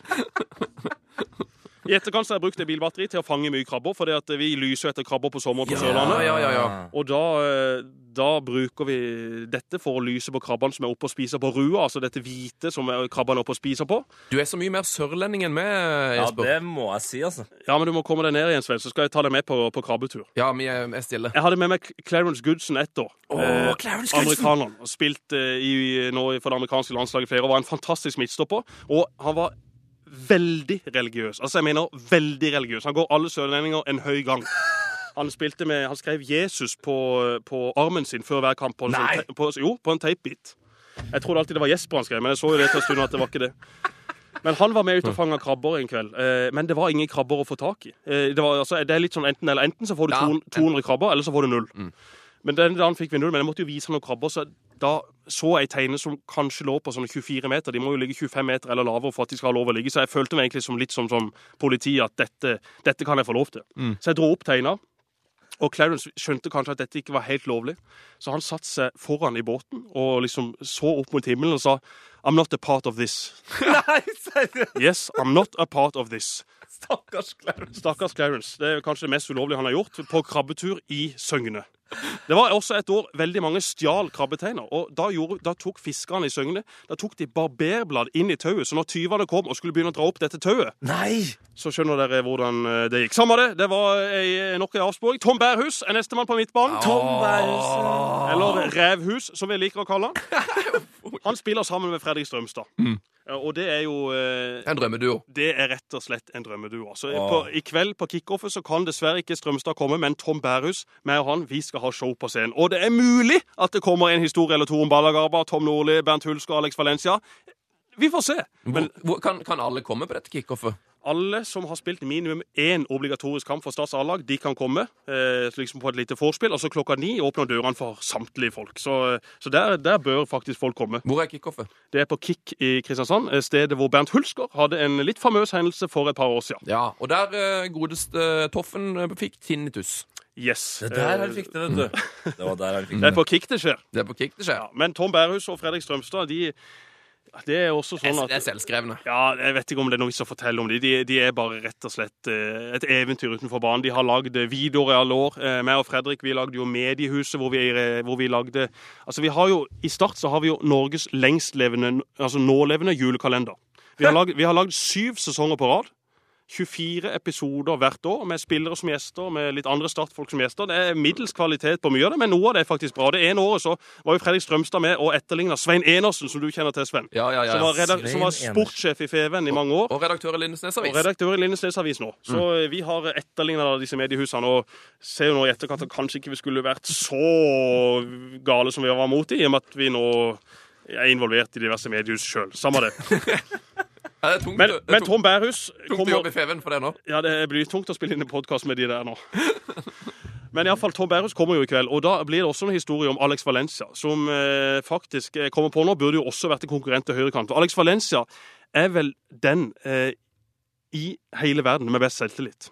Ah, Han har det, ja. Det Åh, kom er- egentlig ikke overraskende på. Alex, Altså. Alex er også fantastisk, men han, han spurte en gang på trening i plenum. Eh, gutter, vet dere hvem som er undervurdert på hodet? Spurte han liksom. Er Folk begynte å tippe. Nei, altså Ronaldinho, er det Zidane? Nei, det er meg. Det er meg. Ja. Er den historien sann? Den, ja, om han er sann, Å, Oh, yes! Du, den historien har jeg hørt i ti år, og den har jeg Det har jeg bare tenkt Ja, Det har sånn, tvilt, du har det- Ja, jeg har tvilt. Ja. Alex Valencia kjørte også fra Oslo til Bergen på fire timer. Og der stoppa han også og kjøpte seg en is. Såpass, ja. Ja, Så Alex er en god mann. På venstre kant Christian Bolanos. Bolanos! Den beste spilleren eh, som har eh, spilt i Start i min tid. Erik Mykland var selvfølgelig innom og hadde noen kamper. Men eh, den, det nivået Christian Bolanos var på, det var, det var helt unikt å se. Han var i en klasse for seg sjøl i hele tippeligaen. Vi ga han ballen, han fiksa resten. Eh, han var en fantastisk fyr utenfor banen også. Ble henta fra OB Odense, eh, hvor eh, min far Svein hadde sett han på diverse klipp og videoer og kamper, og sa at dette er jo en spiller som ligner litt på meg sjøl, så han må vi hente. Så er det jo Han, han, virker som en, han, virker, han virker veldig blid. han er veldig blid. Ja. Altså, rett, som jeg sier, en, en ener eh, både på og utenfor banen. Og så trivdes han jo selvfølgelig godt i Norges svar på Costa Rica. Så Ja, det var rett og slett en, en god match. Og vi var veldig nære med å kunne få tak i Bolanos nå i vinter. Men dagen før så hadde han signert for Vancouver. eh, I, i Canada og MLS, så han hadde veldig lyst til å komme tilbake, men hadde dessverre ikke hørt noe fra start før det var for seint, og dermed røyk han. Så det var kjedelig. Smell. Jeg kommer nok tilbake på ferie. Ja, jeg vil tro det. Det håper jeg. På topp har vi fem spisser. Fem Ja, spisser! det er, det, er et, eh, det er litt sånn som eh, damene i Arendal. De er veldig framtunge. Der har de mye silikon. Her har vi fem spisser. Det det er ikke lov å si. Jo, det er jo helt Altså, jeg har vært i Arendal nok ganger til å, Altså- verifisere den uh, uttalelsen. Jeg var, jeg var og besøkte ØIF Arendal, som er Norges beste håndballag i stad. Jeg skulle holde et eh, foredrag for sponsorene sine. De hadde sponsorfrokost. Og Rune Jacobsen, som jobber i ØIF Arendal, han har jobba i Start i mange år, så han spurte om jeg kunne komme. Den første plansjen jeg drar opp, dette er Arendal for meg. Først er det fem striper kokain som kommer opp. Ja. Og så er det politiloggen. Ja. For politiloggen i Feven, som blir lagt ut hver lørdag og søndag, det er jo alltid sånn at du kan banne på at to av de tre første det involverer enten Arendal eller Vennesla. Det neste det var eh, bolere, altså gutter som tar litt, og så har de litt sånn stripete hår. Eh, og det neste bildet, det var sånn en sånn lang, lang speedbåt. For hver sommer så er det båter- speedbåt. speedbåt. Altså disse her gode gamle som var kanskje litt populære i Miami for 20-30 år siden, som ikke er så populære nå. De er det alltid fullt av i Kristiansand om sommeren, fra Arendal. Så var det neste bilde. Det var eh, eh, ei dame, eh, blond dame med svære silikonpupper. Og sist, men ikke minst, Kai Risholt. Som er den første av spissene våre på dette laget. Altså, Kai Risholt Karisma. Åh, eh, jeg, får, altså, jeg får ståpels når jeg snakker om han. Altså. For en fantastisk mann. Han har vi mye historie på. Vi kan ta et par. Han eh, er jo mannen som eh, han, han har ikke funnet opp hjulet. Altså, han er litt naiv på noen ting. Men vi hadde en botfest i god gamle starthallen. Det vil si at det blir samla inn bøter gjennom året for folk som har glemt utstyr Ja, ja, eller gjort ja. noe galt. Ja, så får de inn penger, så skal dette gå til en fest. Dette var festen. Kai Risholt eh, er med i en quiz, og vi hadde veldig lyst til at Kai skulle vinne quizen, fordi at vinneren måtte gå utkledd som ei dame på byen. Så vi ga Kai de letteste spørsmålene han kunne få. Det første spørsmålet han får, er hvem skrev bokhandelen i Kabul? Er det A. Alf Prøysen? Er det B. Åsne Seierstad? Eller er det C. Astrid Lindgren? Ja, det, det, det er et lurespørsmål. Altså, jeg går for C. Astrid Lindgren. Nei! Jo. Han svarer feil. Og så sier vi nei, nei, det er Åsne Seierstad. Å ja, det er Åsne Seierstedt, ja. Det er Åsne Seierstedt, ja. Neste spørsmål fikk han. Hva solgte bokhandlene i Kabul? Er det A. Sykler? Er det B. Bøker? Eller er det C. Sko? Ja, gutta, jeg tror det er et nok et lurespørsmål. Jeg tror det er A. Sykler. For en helt.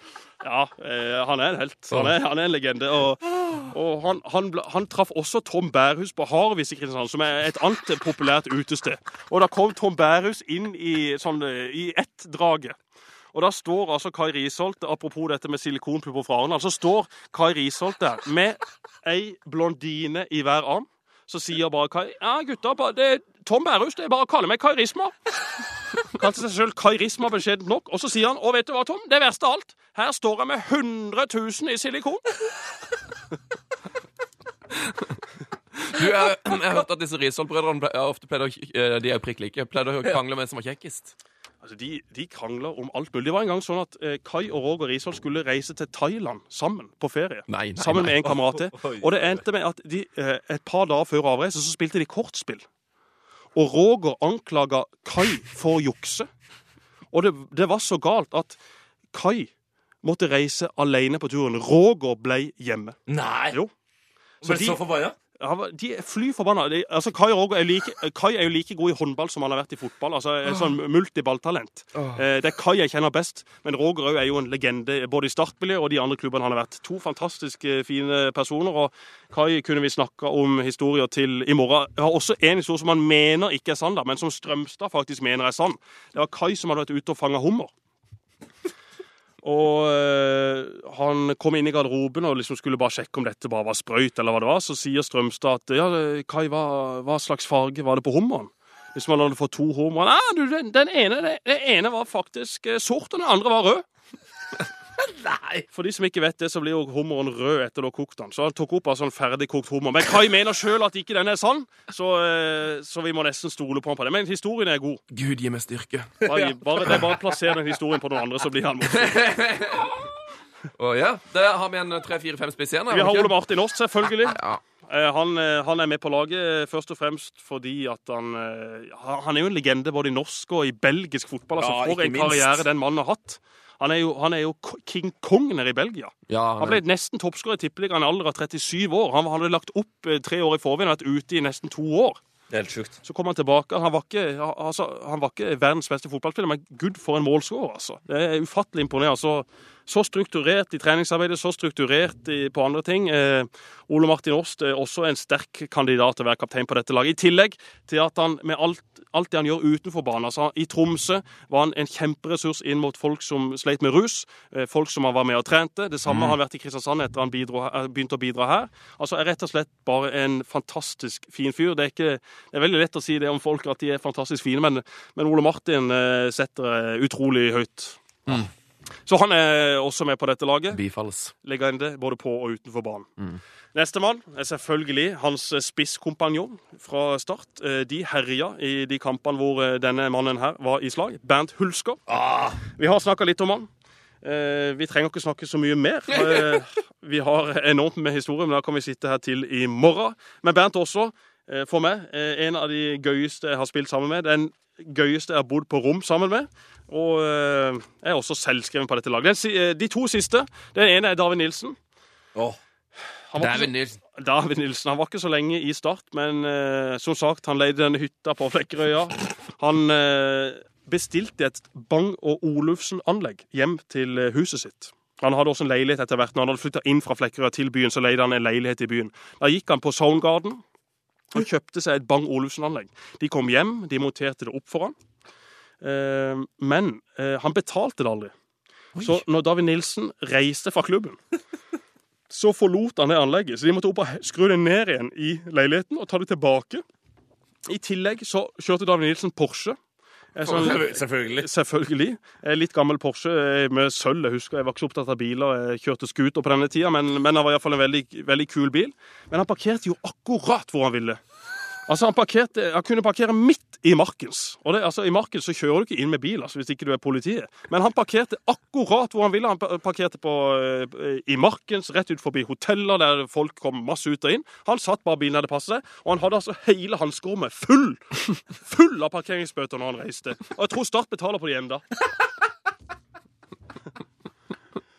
Ah, luksus, luksusdyret David Nilsen. Ja, David Nilsen er jo- et eventyr av, av en mann. altså. Eh, Han var jo han var kjempehelt i Kristiansand. altså Hver gang David Nilsen begynte å varme opp, så reiste jo folk seg. Altså Ja. For en, eh, for en profil. og ja. Jeg tipper at han eh, etter hvert blir en, en meget god trener. og en, Han er jo fantastisk fargeklart for fotballen, så la oss håpe at han eh, kommer tilbake som, som trener i norsk toppfotball en gang. Ja, helt enig. Den siste er jo en joker. Den joker. Altså, det er en mann som Han har vel aldri starta en kamp for Start. Eh, og Det skal vi snart høre grunnen til, men det er vår venn fra Brasil, Bruno. Ja, Bruno! Kom jo her sammen med Ygor. Ygor ble kjøpt for 10 millioner til start. Hadde 6 millioner eh, i året. Eh, de kom opp her eh, Altså, hadde ikke 6 millioner, men han kosta Start 6 millioner i året. Kostet han her. Oi, oi, oi. Bruno ble kjøpt for tre og hadde vel halvannen million i året, han òg. Det var liksom lekekameraten til Ygor. Vi må jo ha en brasse til, tenkte Solera Bjørnøy. Så de bare vippa opp han også. Men Bruno spiste altså så ufattelig mye smågodt. Han hadde altså Du kunne, du kunne spise middag for fire på den rumpa hans. altså. Den var så svær. Vi var nede i byen hans i leiligheten, og, og det er klart, når vi kom inn i Det, det, det tøyt ut med Haribo, med Freia. Det lå sjokolade og smågodt og vingummi over hele plassen. Altså, Det var så mye godteri de skapene. Enormt. Jeg tror, jeg tror faktisk det i perioder var det eneste han spiste. Og da så han jo sånn ut deretter. Han var litt for tung, men, men en fantastisk teknikk. Og en fin fyr som eh, jeg aldri har prata med. Som du aldri har prata med. Jeg har aldri snakka med han.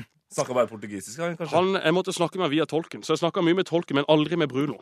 Oddbjørn Hjortveit var en strålende tolk, eh, så alltid når vi skulle snakke med Bruno og Ygor de, de lærte seg ikke ett kløyva ord norsk, ikke ett kløyva ord engelsk. Så det var, det var noe tungvint, de spillermøtene der. Ja, Det var kanskje ikke så rart at ikke det ble den store suksessen man hadde håpet på. Nei, det var jo egentlig ikke det. Så, så dette er ja, dette er mitt eh, drømmelag. Litt for mange spillere, eh, men Det må men, være lov. Ja, det må være det. det. Det er litt sånn, altså Disse gutta, de, eh, De er ja-fasen her. det, det viktigste er ikke å spille. det viktigste, Og i en garderobe har du plass til flere enn du har på banen. Jeg tenker Riktig. at Disse kan vi hive inn i en garderobe. Er garderobelandslaget det her, da?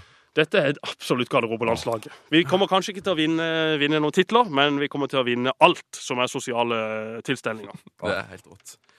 Eh, Jesper Mathisen, herlig fred. Det var en eh, fest å ha deg innom. Vi- Ja, altså, var... Vi har tusenvis av spørsmål igjen som vi skulle tatt. Vi har masse spalte og sånn og sånn, men vi, vi, vi rekker jo ikke mer. For vi har Shit, det rakk ikke, rett og vi slett. Jeg tror bare du rett og slett bare får ha en åpen uh, invitasjon på å komme tilbake en gang. Ja, det her må vi få til. en gang. Det er noen stories der som, uh, som du liker. Du har flere, har du ikke det? Du, jeg har, jeg har ufattelig mange flere. Og b- før vi avslutter, så må jeg bare Vi har jo dette kickoff i kveld. Jeg skal bare lese opp noen av gjestene Ja, som, som kommer til å være Altså, Frank Tønnesen, han kommer i kveld. Ok. Marius Johnsen kommer i kveld. Kai Josdal, husker du han? Gammel startkaptein, spilte i Forsvaret. Kanskje litt før de tid. Doffen kommer i kveld. Ja. Kåre Petter Mathisen, min onkel, han er forresten den aller største favoritten til å drikke mest i kveld. Kåre Petter Mathisen. Yes, Spilte venstre kant eh, i noen kamper for Start, mens pappa også spilte på høyre. Lars Martin Engedal kommer selvfølgelig. Åh, Veldig sterk på fest. han har jeg tapt mye mot. Du har det, ja? Å ja. Lars er en god mann. Ivar Sigurdsen kommer. Spilte jo spiss eh, for Start før i tida. Er, er da far til Lasse Sigurdsen, som også kommer til å få en spennende sesong for Start. Kjetil Rudfold Pedersen. Sammen med Bernt Hulsgaard. Kanskje to av de startspillerne som har vært mest på kick opp igjennom. Roald Rørheim, Svein Kålås, dette er gutter fra gullaget i 1978-80.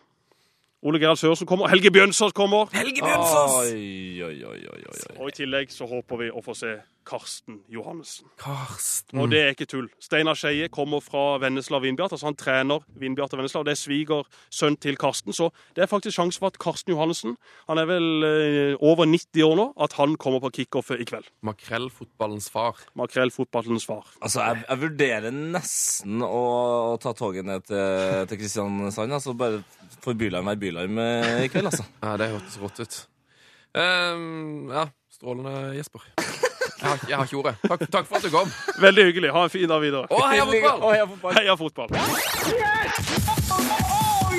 Heia fotball! Heia fotball! Det Det var- var Herregud, det er noe av det Villeste. Ja, ja, det var gøy, altså. Jesper Mathisen, for en uh, fantastisk uh, morsom type. Ja, altså Jeg syns jo litt synd på han som eh, mest sannsynlig ikke får spilt noe mer fotball. Men det er nok ikke noe fare, eh, sånn rent jobbmessig. Eh, Nei, ja.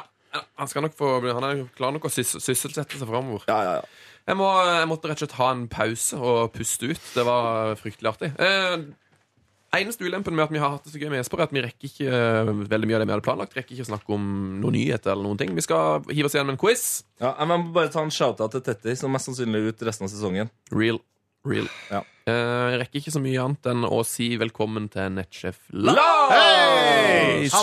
Endelig tilbake. Har vært og flotta seg i utlandet. Jeg flotta meg, ja. Hvor har Flotta du, meg. hvor har du vært? Hvor har du stått, stått Vi var på slalåmski i de franske alper. da. Ja, men det er altså Boring! Det som er interessant, er at du har møtt selveste Deko. Å ja. Møtte dere, jeg Det, du. er, det, er, det, det har Du jeg ikke møtte snakket om. Jeg har bare Deko sett- på eh, flyplassen i Ja. Zürich, eller? På vei hjem fra alpintur så mellomlander vi i um, Zürich? Veldig fin eh, flyplass. Jeg Ja, liker den. veldig clean. Jeg liker den. Jeg liker den. Ja, det er en bra flyplass, altså. Det er liksom Å, Singapore, go home! Ja, ja, glem det. Zürich, altså. Åh, søkki da. Og så skulle jeg inn på en sånn taxfree-shop, da. Mm. Og så ser jeg en fyr som står for meg. Det var noe veldig kjent med den fyren. Og så kjenner dame en Kjente du dame han ikke igjen umiddelbart? Jeg kjente igjen, men jeg huska ikke hvem det var. Det var sånn Hvem er denne fyren? Ja. Jeg vet han er, han er Hvem er brasilianeren? Hvem er portugiseren? Hvem er Ja, det Porto- der er ikke sant. Ja. Barcelona-fyren som har vunnet alt mulig? Som er verdens beste spiller? Ja. Men jeg, altså, siden det er bredde, så vet jo ikke jeg hvem det er. Nei, men, jeg- men Det er ikke jeg Arnt tok bildet. liksom. Excuse me, can I take picture, please? Og så bare han veldig uinteressert. Men jeg tok masse bilder. Ett av dem ble kjempebra. Ja, det det ligger på. Instagram. Ja. Han har sånn veldig artig fjes der. Litt sånn Og så du tar bilde av meg, da? Vil du se bilder av Netchef Lars og Deko, så finner du på Instagram. Det med P3 her Fotball. Du finner også på Facebook. Der vi P3 her Fotball. Um, Du finner det sikkert også på Twitter. Der heter vi P3 her Fotball. Finner på YouPorn, faktisk. Oi, på Youporn! På Youporn. På Youporn, ja. Jeg, visste, jeg visste ikke at du abonnerte på den type humor. Nei, men uh, fotballporn for meg, da. Um, hva har du med, med til oss i dag? Har med noen breddenews. Så deilig. Har vi en jingle? Ja, det Ja, har det vi. må bli liten, altså. Er det er mye kort. Nei, er nok. Oh. Ja, nok, ja. Um, ja. Steinkjer, stein Å, du har- savner den uh, Det er ingen som Mm, som pappa lag som mi. Stå nå på, så skal vi sjå. Ingen kan sjå. Gå. OK. okay. det det. Eh, Store snakkisen i bredden har jo vært uh, fotballting. Ja. Eller for, forbundsting, som det egentlig heter. Ja. Terje Svendsen er ny president etter halv én. Gammel. Uviktig. Uviktig for spalten her, i hvert fall. Mm. Eh, Men det som har generert en del støy, er jo ny seriestruktur da, fra 2017. Ja, du! Eh, vi har faktisk fått et brev som ikke vi rekker, da, men fra Thea Wolle, som vil at vi skal diskutere denne uh, strukturen. Så Ja. nå er jo du rett på ball. Så takk for brev, eh, Thea Wolle. Vi rekker vel ikke å diskutere det, men vi kan eh, nevne at eh, det som var greia, var at eh, mange, um, ingen rykker opp fra tredjedivisjon. Sant? Topp fire i hver avdeling pluss de åtte beste femmerne blir værende. Kampen da blir om å ikke rykke ned. Samtidig betyr det at halvparten av lagene i andredivisjon rykker ned etter sesongen. Det er da lagene fra 8. til 14. plass. Fordi det blir to avdelinger istedenfor fire. Ja. Og det har vært mye bråk, da, blant annet Lyn og Hassan El Fakiris Os mente at de måtte få ett år til, for at eh, de ville ha lengre tid å forberede seg på. Ja. De ville rykke opp nå, sant? Fordi at de var ambisiøse og sånn. der. liksom. Men uh, det som er da, viktigste grunn, eller en av viktige grunnene til omleggingene uh, som gjør at ingen rykker opp, det er at de skal spisse det her, at det skal bli bedre og mer solid, og faktisk, det har vært sånn at masse lag i tredjedivisjon har trukket seg opp gjennom sesongen tidligere. Ja. Fordi, ja, på grunn av lange og dyre reiser og sånn der. Riktig. Så det eh, er da Det håper de at bedrer seg nå, da. Eh, Men bakdelen blir jo da selvsagt at det blir mer nedrykk og et tøffere nivå fire. Um, har dere noen kommentarer? Eller skal jeg bare lese opp strukturen som den blir? Bare, ja, godt Gi oss en kort innføring i strukturen. Ja. Jeg har ikke, jeg har ikke sett, satt meg godt nok inn i det her systemet til å liksom på en måte gi noe dom over hva som er feil og riktig. her Men jeg, jeg noterer at veldig mange syns det er et dårlig forslag. Men det er jo sånn med alle eh, forslag, eh, med alle nye ting, så vil det jo være ganske mange som syns det, det her er dritt. Jeg likte det sånn som det var.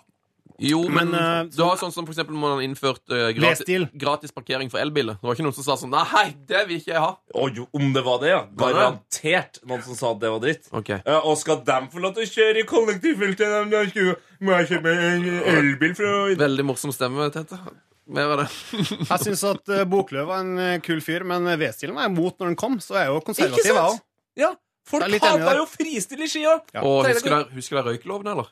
Røykeloven. Helsike, folk var imot røykeloven. Og- Det var det folk, verste som noensinne hadde skjedd. folk lo av at det skulle være sprint eh, i langrenn. Kan ikke du ta fram den, mor den morsomme stemmen igjen? Og skal vi ha sprint i langrenn? Altså, Useriøs sport det her blir plutselig. Skal vi gå videre til strukturen? Ja, ja takk, gjerne. Få på noe struktur her. Ja takk. Eh, vi, vi hopper ikke over, men jeg nevner det i kursiv og liten skrift. Tippeligaen 16 lag, ingen endring. Obos-ligaen 16 lag, ingen endring. Og det er da heller ikke viktig for den spalten her. Men nå kommer vi til andredivisjon, eller Post Nord-ligaen, som den heter nå. Mm. Sponsa av Post Nord. Altså, ikke Bring Nord, men post nord. Post Nord, ja. Eh, to avdelinger av 14 lag. Tredjedivisjon. Tredjedivisjon. Regionligaen, som de kaller det. Hva var det som skjedde der? Jeg datt ned penn.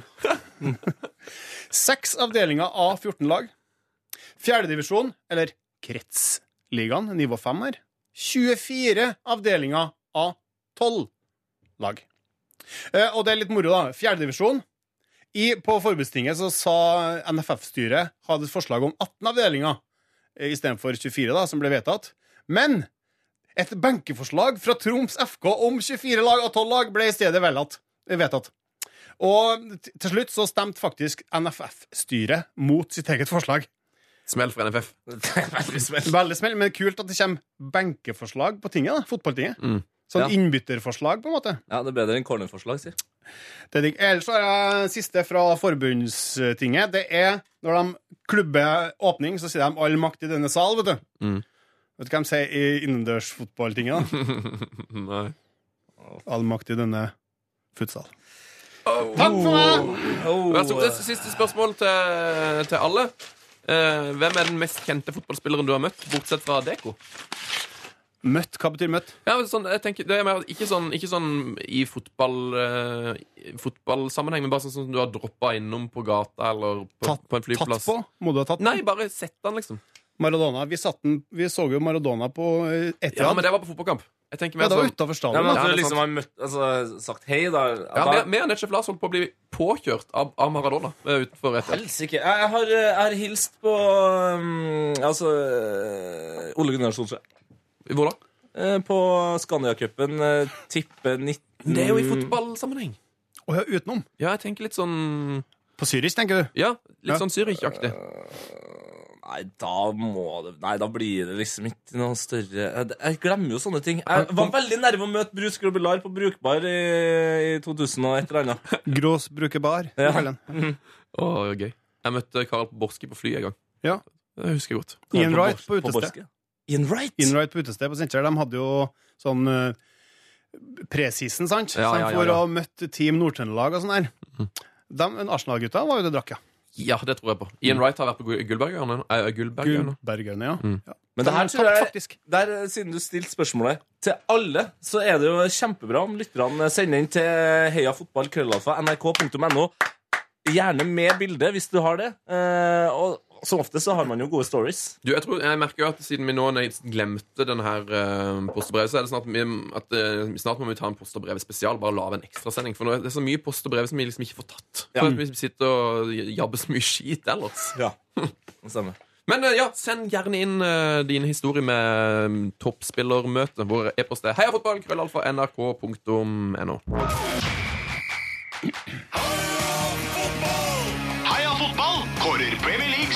Snilleste fotballklubb.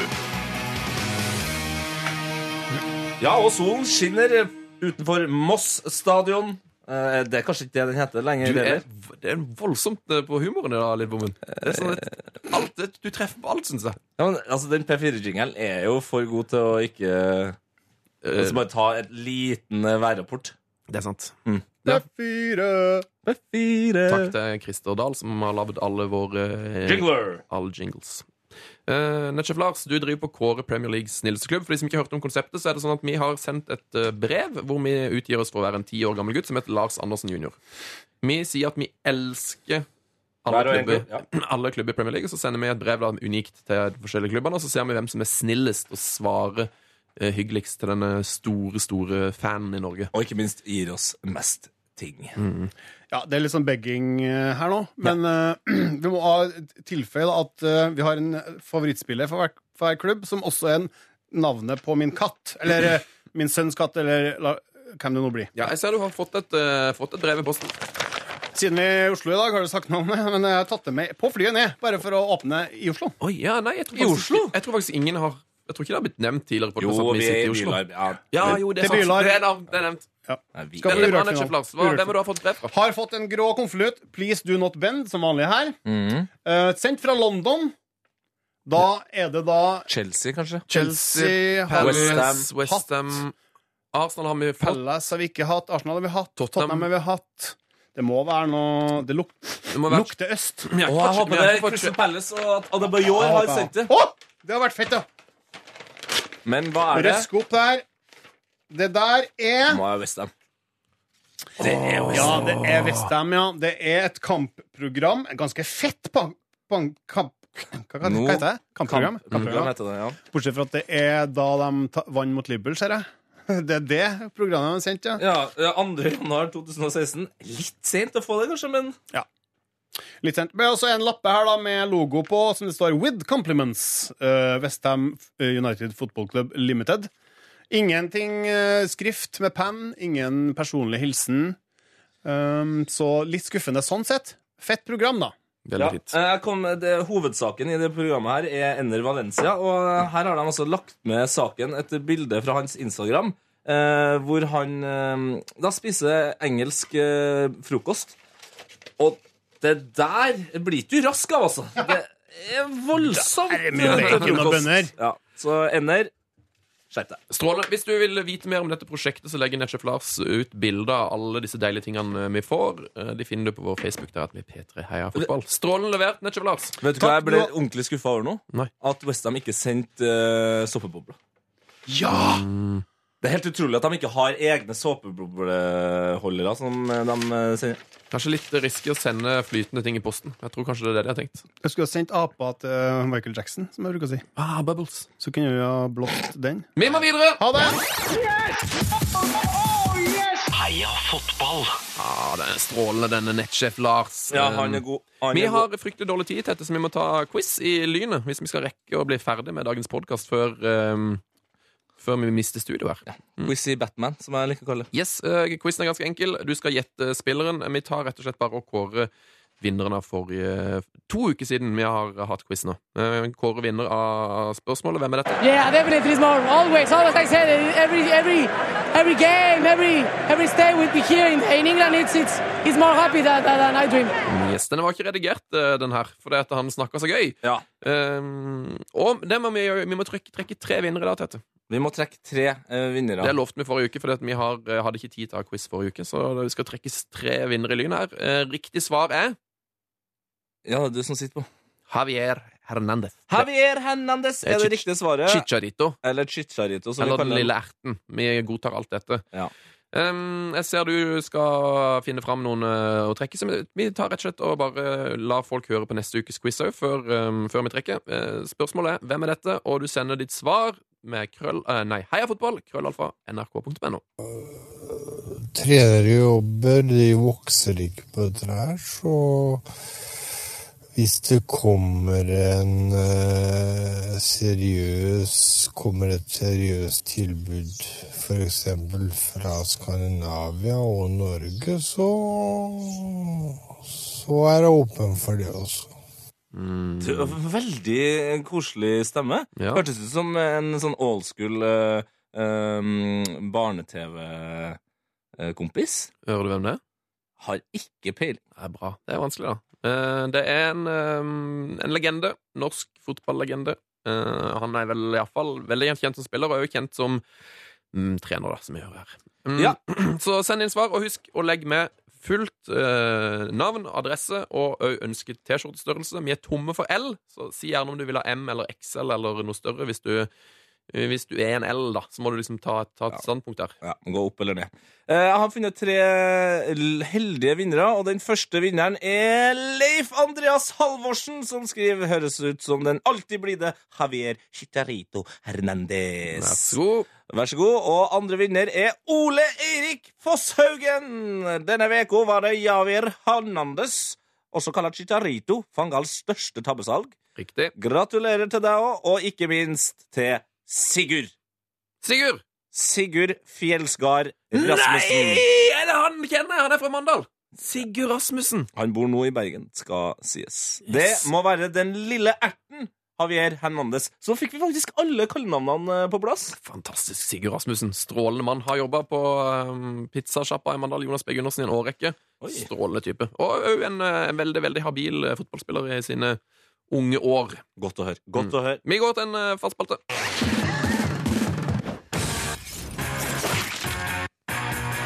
Heia fotballs glory hall. Ja, er Batistota i vår Glory Hall, dette? Det er en, og der er en blant annet sammen med Sigurd Rushfeldt, Myggen Mykland og ikke minst Stefan Guars. Mm, helt riktig. helt riktig. Vi har fått inn en veldig veldig fin hall her, eh, som er sendt til oss fra Å, nå har jeg ikke med navnet! For en skandale! Det skal jeg fikse, vet du. Det har blitt vekk eh, i eh, utprinten. Ja. Mm, men vi har altså fått en lytterhall. Eh, og vi har såpass dårlig tid at jeg skal bare sette den i gang. eh, Tettefar. Ja, skal jeg nevne navnet etterpå? Mhm.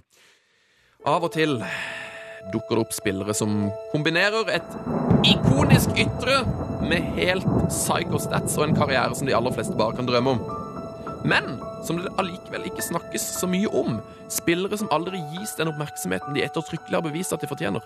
De drukner simpelthen i nesegrus beundring av nåtidens profiler og mimring om gårsdagens fargeklatter av typen humorspillere som René Higuita og Taribo West. Dere skjønner, så mange, mange har gjort mer enn disse, men snakkes ikke om. Nå må vi trekke fram en av tidenes beste kjedelige fotballspillere. Østerrikeren Anton ble født i en eim av wienerbrød og sjokoladefondy en vårdag i 1964. Han slo seg opp i storklubben Austria-Wien på begynnelsen av 80-tallet. Ikke småtteri. I tillegg til å ha denne klubben, Austria Wien, til felles med Glory Hall-medlem Siggen Rushfeldt, delte han også evnen til å kynisk og hensynsløst dundre baller i nettet bak rådløse keepere. Han gjorde det 119 ganger hjemme i Wien før det ble europaturné til både Italia, Spania og Tyskland, der han puttet 186 ganger. Landslagskarrieren hans sin toppet seg kanskje under VM i 98, der Tony Polster putta for sitt kjære Østerrike. Kanskje en litt kjedelig spiller, denne Polster, men er det kjedelig når en fyr med full hockey dundrer inn en volley i 200 km i timen i krysset på overtid i VM? Jeg forbeholder meg retten til å være uenig. Om man likevel trenger noe utenom A4 for å avkrefte Tony Polster som en boring fyr, anbefaler jeg spoken word-platen Tony Polster und die Bibel, der han snakker om karrieren sin og livet sitt, i tillegg til en del høytlesning fra Det nye testamentet. Ingen musikk, bare litt sakral klang på stemmen når du leser Det høres ut som en helt fantastisk, fantastisk CD. Eh, eller bok, da, eller hva du skal kalle det. Jeg forventer ikke at navnet Tony Polster skal påkalle varme følelser. Ei heller at folk skal sitte og gråte mens de ser Tony Polster-videoer på YouTube. Men jeg foreslår at 307-måls-Anton innvilges permanent opphold i Hålen på bakgrunn at han var Sentral-Europas farligste panne og kanskje fotballens aller deiligste hockey. Heia fotball, og heia Polster. Ah, Det er helt vakkert, og det var Andreas Trøen som hadde sendt inn den. Og jeg har funnet et bilde av Tony Polster hvor han ligner ufattelig mye på Lars Monsen. Bare med håret til Dan Børge Akerø! Det er helt sant! Det er det, er det villeste! Det er det villeste, Tete! Det er det sjukeste. Ja, se på det! Det er Lars Monsen. Med Wow! håret til Dan Børge Akerø. Wow! Det er det Det er glory, glory hole-verdig nok. Dette bildet skal ut i alle kanaler. Jeg, skal, jeg tror jeg legger det ut med en gang. Andreas Trøen, Andreas Trøen. det var en kjempefin eh, glory hall. Og takk til alle som sender inn eh, glory halls. Vi legger de i mappa, så kommer de etter hvert, forhåpentligvis. Og sitter du på en, så er det bare å sende til heiafotball.krøllalfa.nrk.no. Og nå er det altså sånn at vi har holdt på med den Vi podkasten her! Altfor lenge. Vi blir kasta ut av studio. Så takk for eh, at dere gidder å høre på her Fotball. Fortsett å laste ned, spre gleden. Er dere på Bylarm, så hilses vi der. Kom på Urørt-finalen. Kom på Urørt-finalen på Sentrum Scene. Heia Fotball. Heia fotball. Frank de Boer speelt de bal. Heel goed naar Dennis Bergkamp. Dennis Bergkamp. Dennis Bergkamp neemt de bal aan. Dennis Bergkamp. Dennis Bergkamp. Dennis Bergkamp. Dennis Bergkamp. Dennis Bergkamp. Oh! Frank de Boer speelt de bal bal feilloos aan. En die schiet de bal erin. We spelen nog officieel 20 seconden. Dennis Bergkamp. P3s Heia fotball. Ny episode hver fredag. Last ned din nye favorittpodkast på p3.no podkast. P3.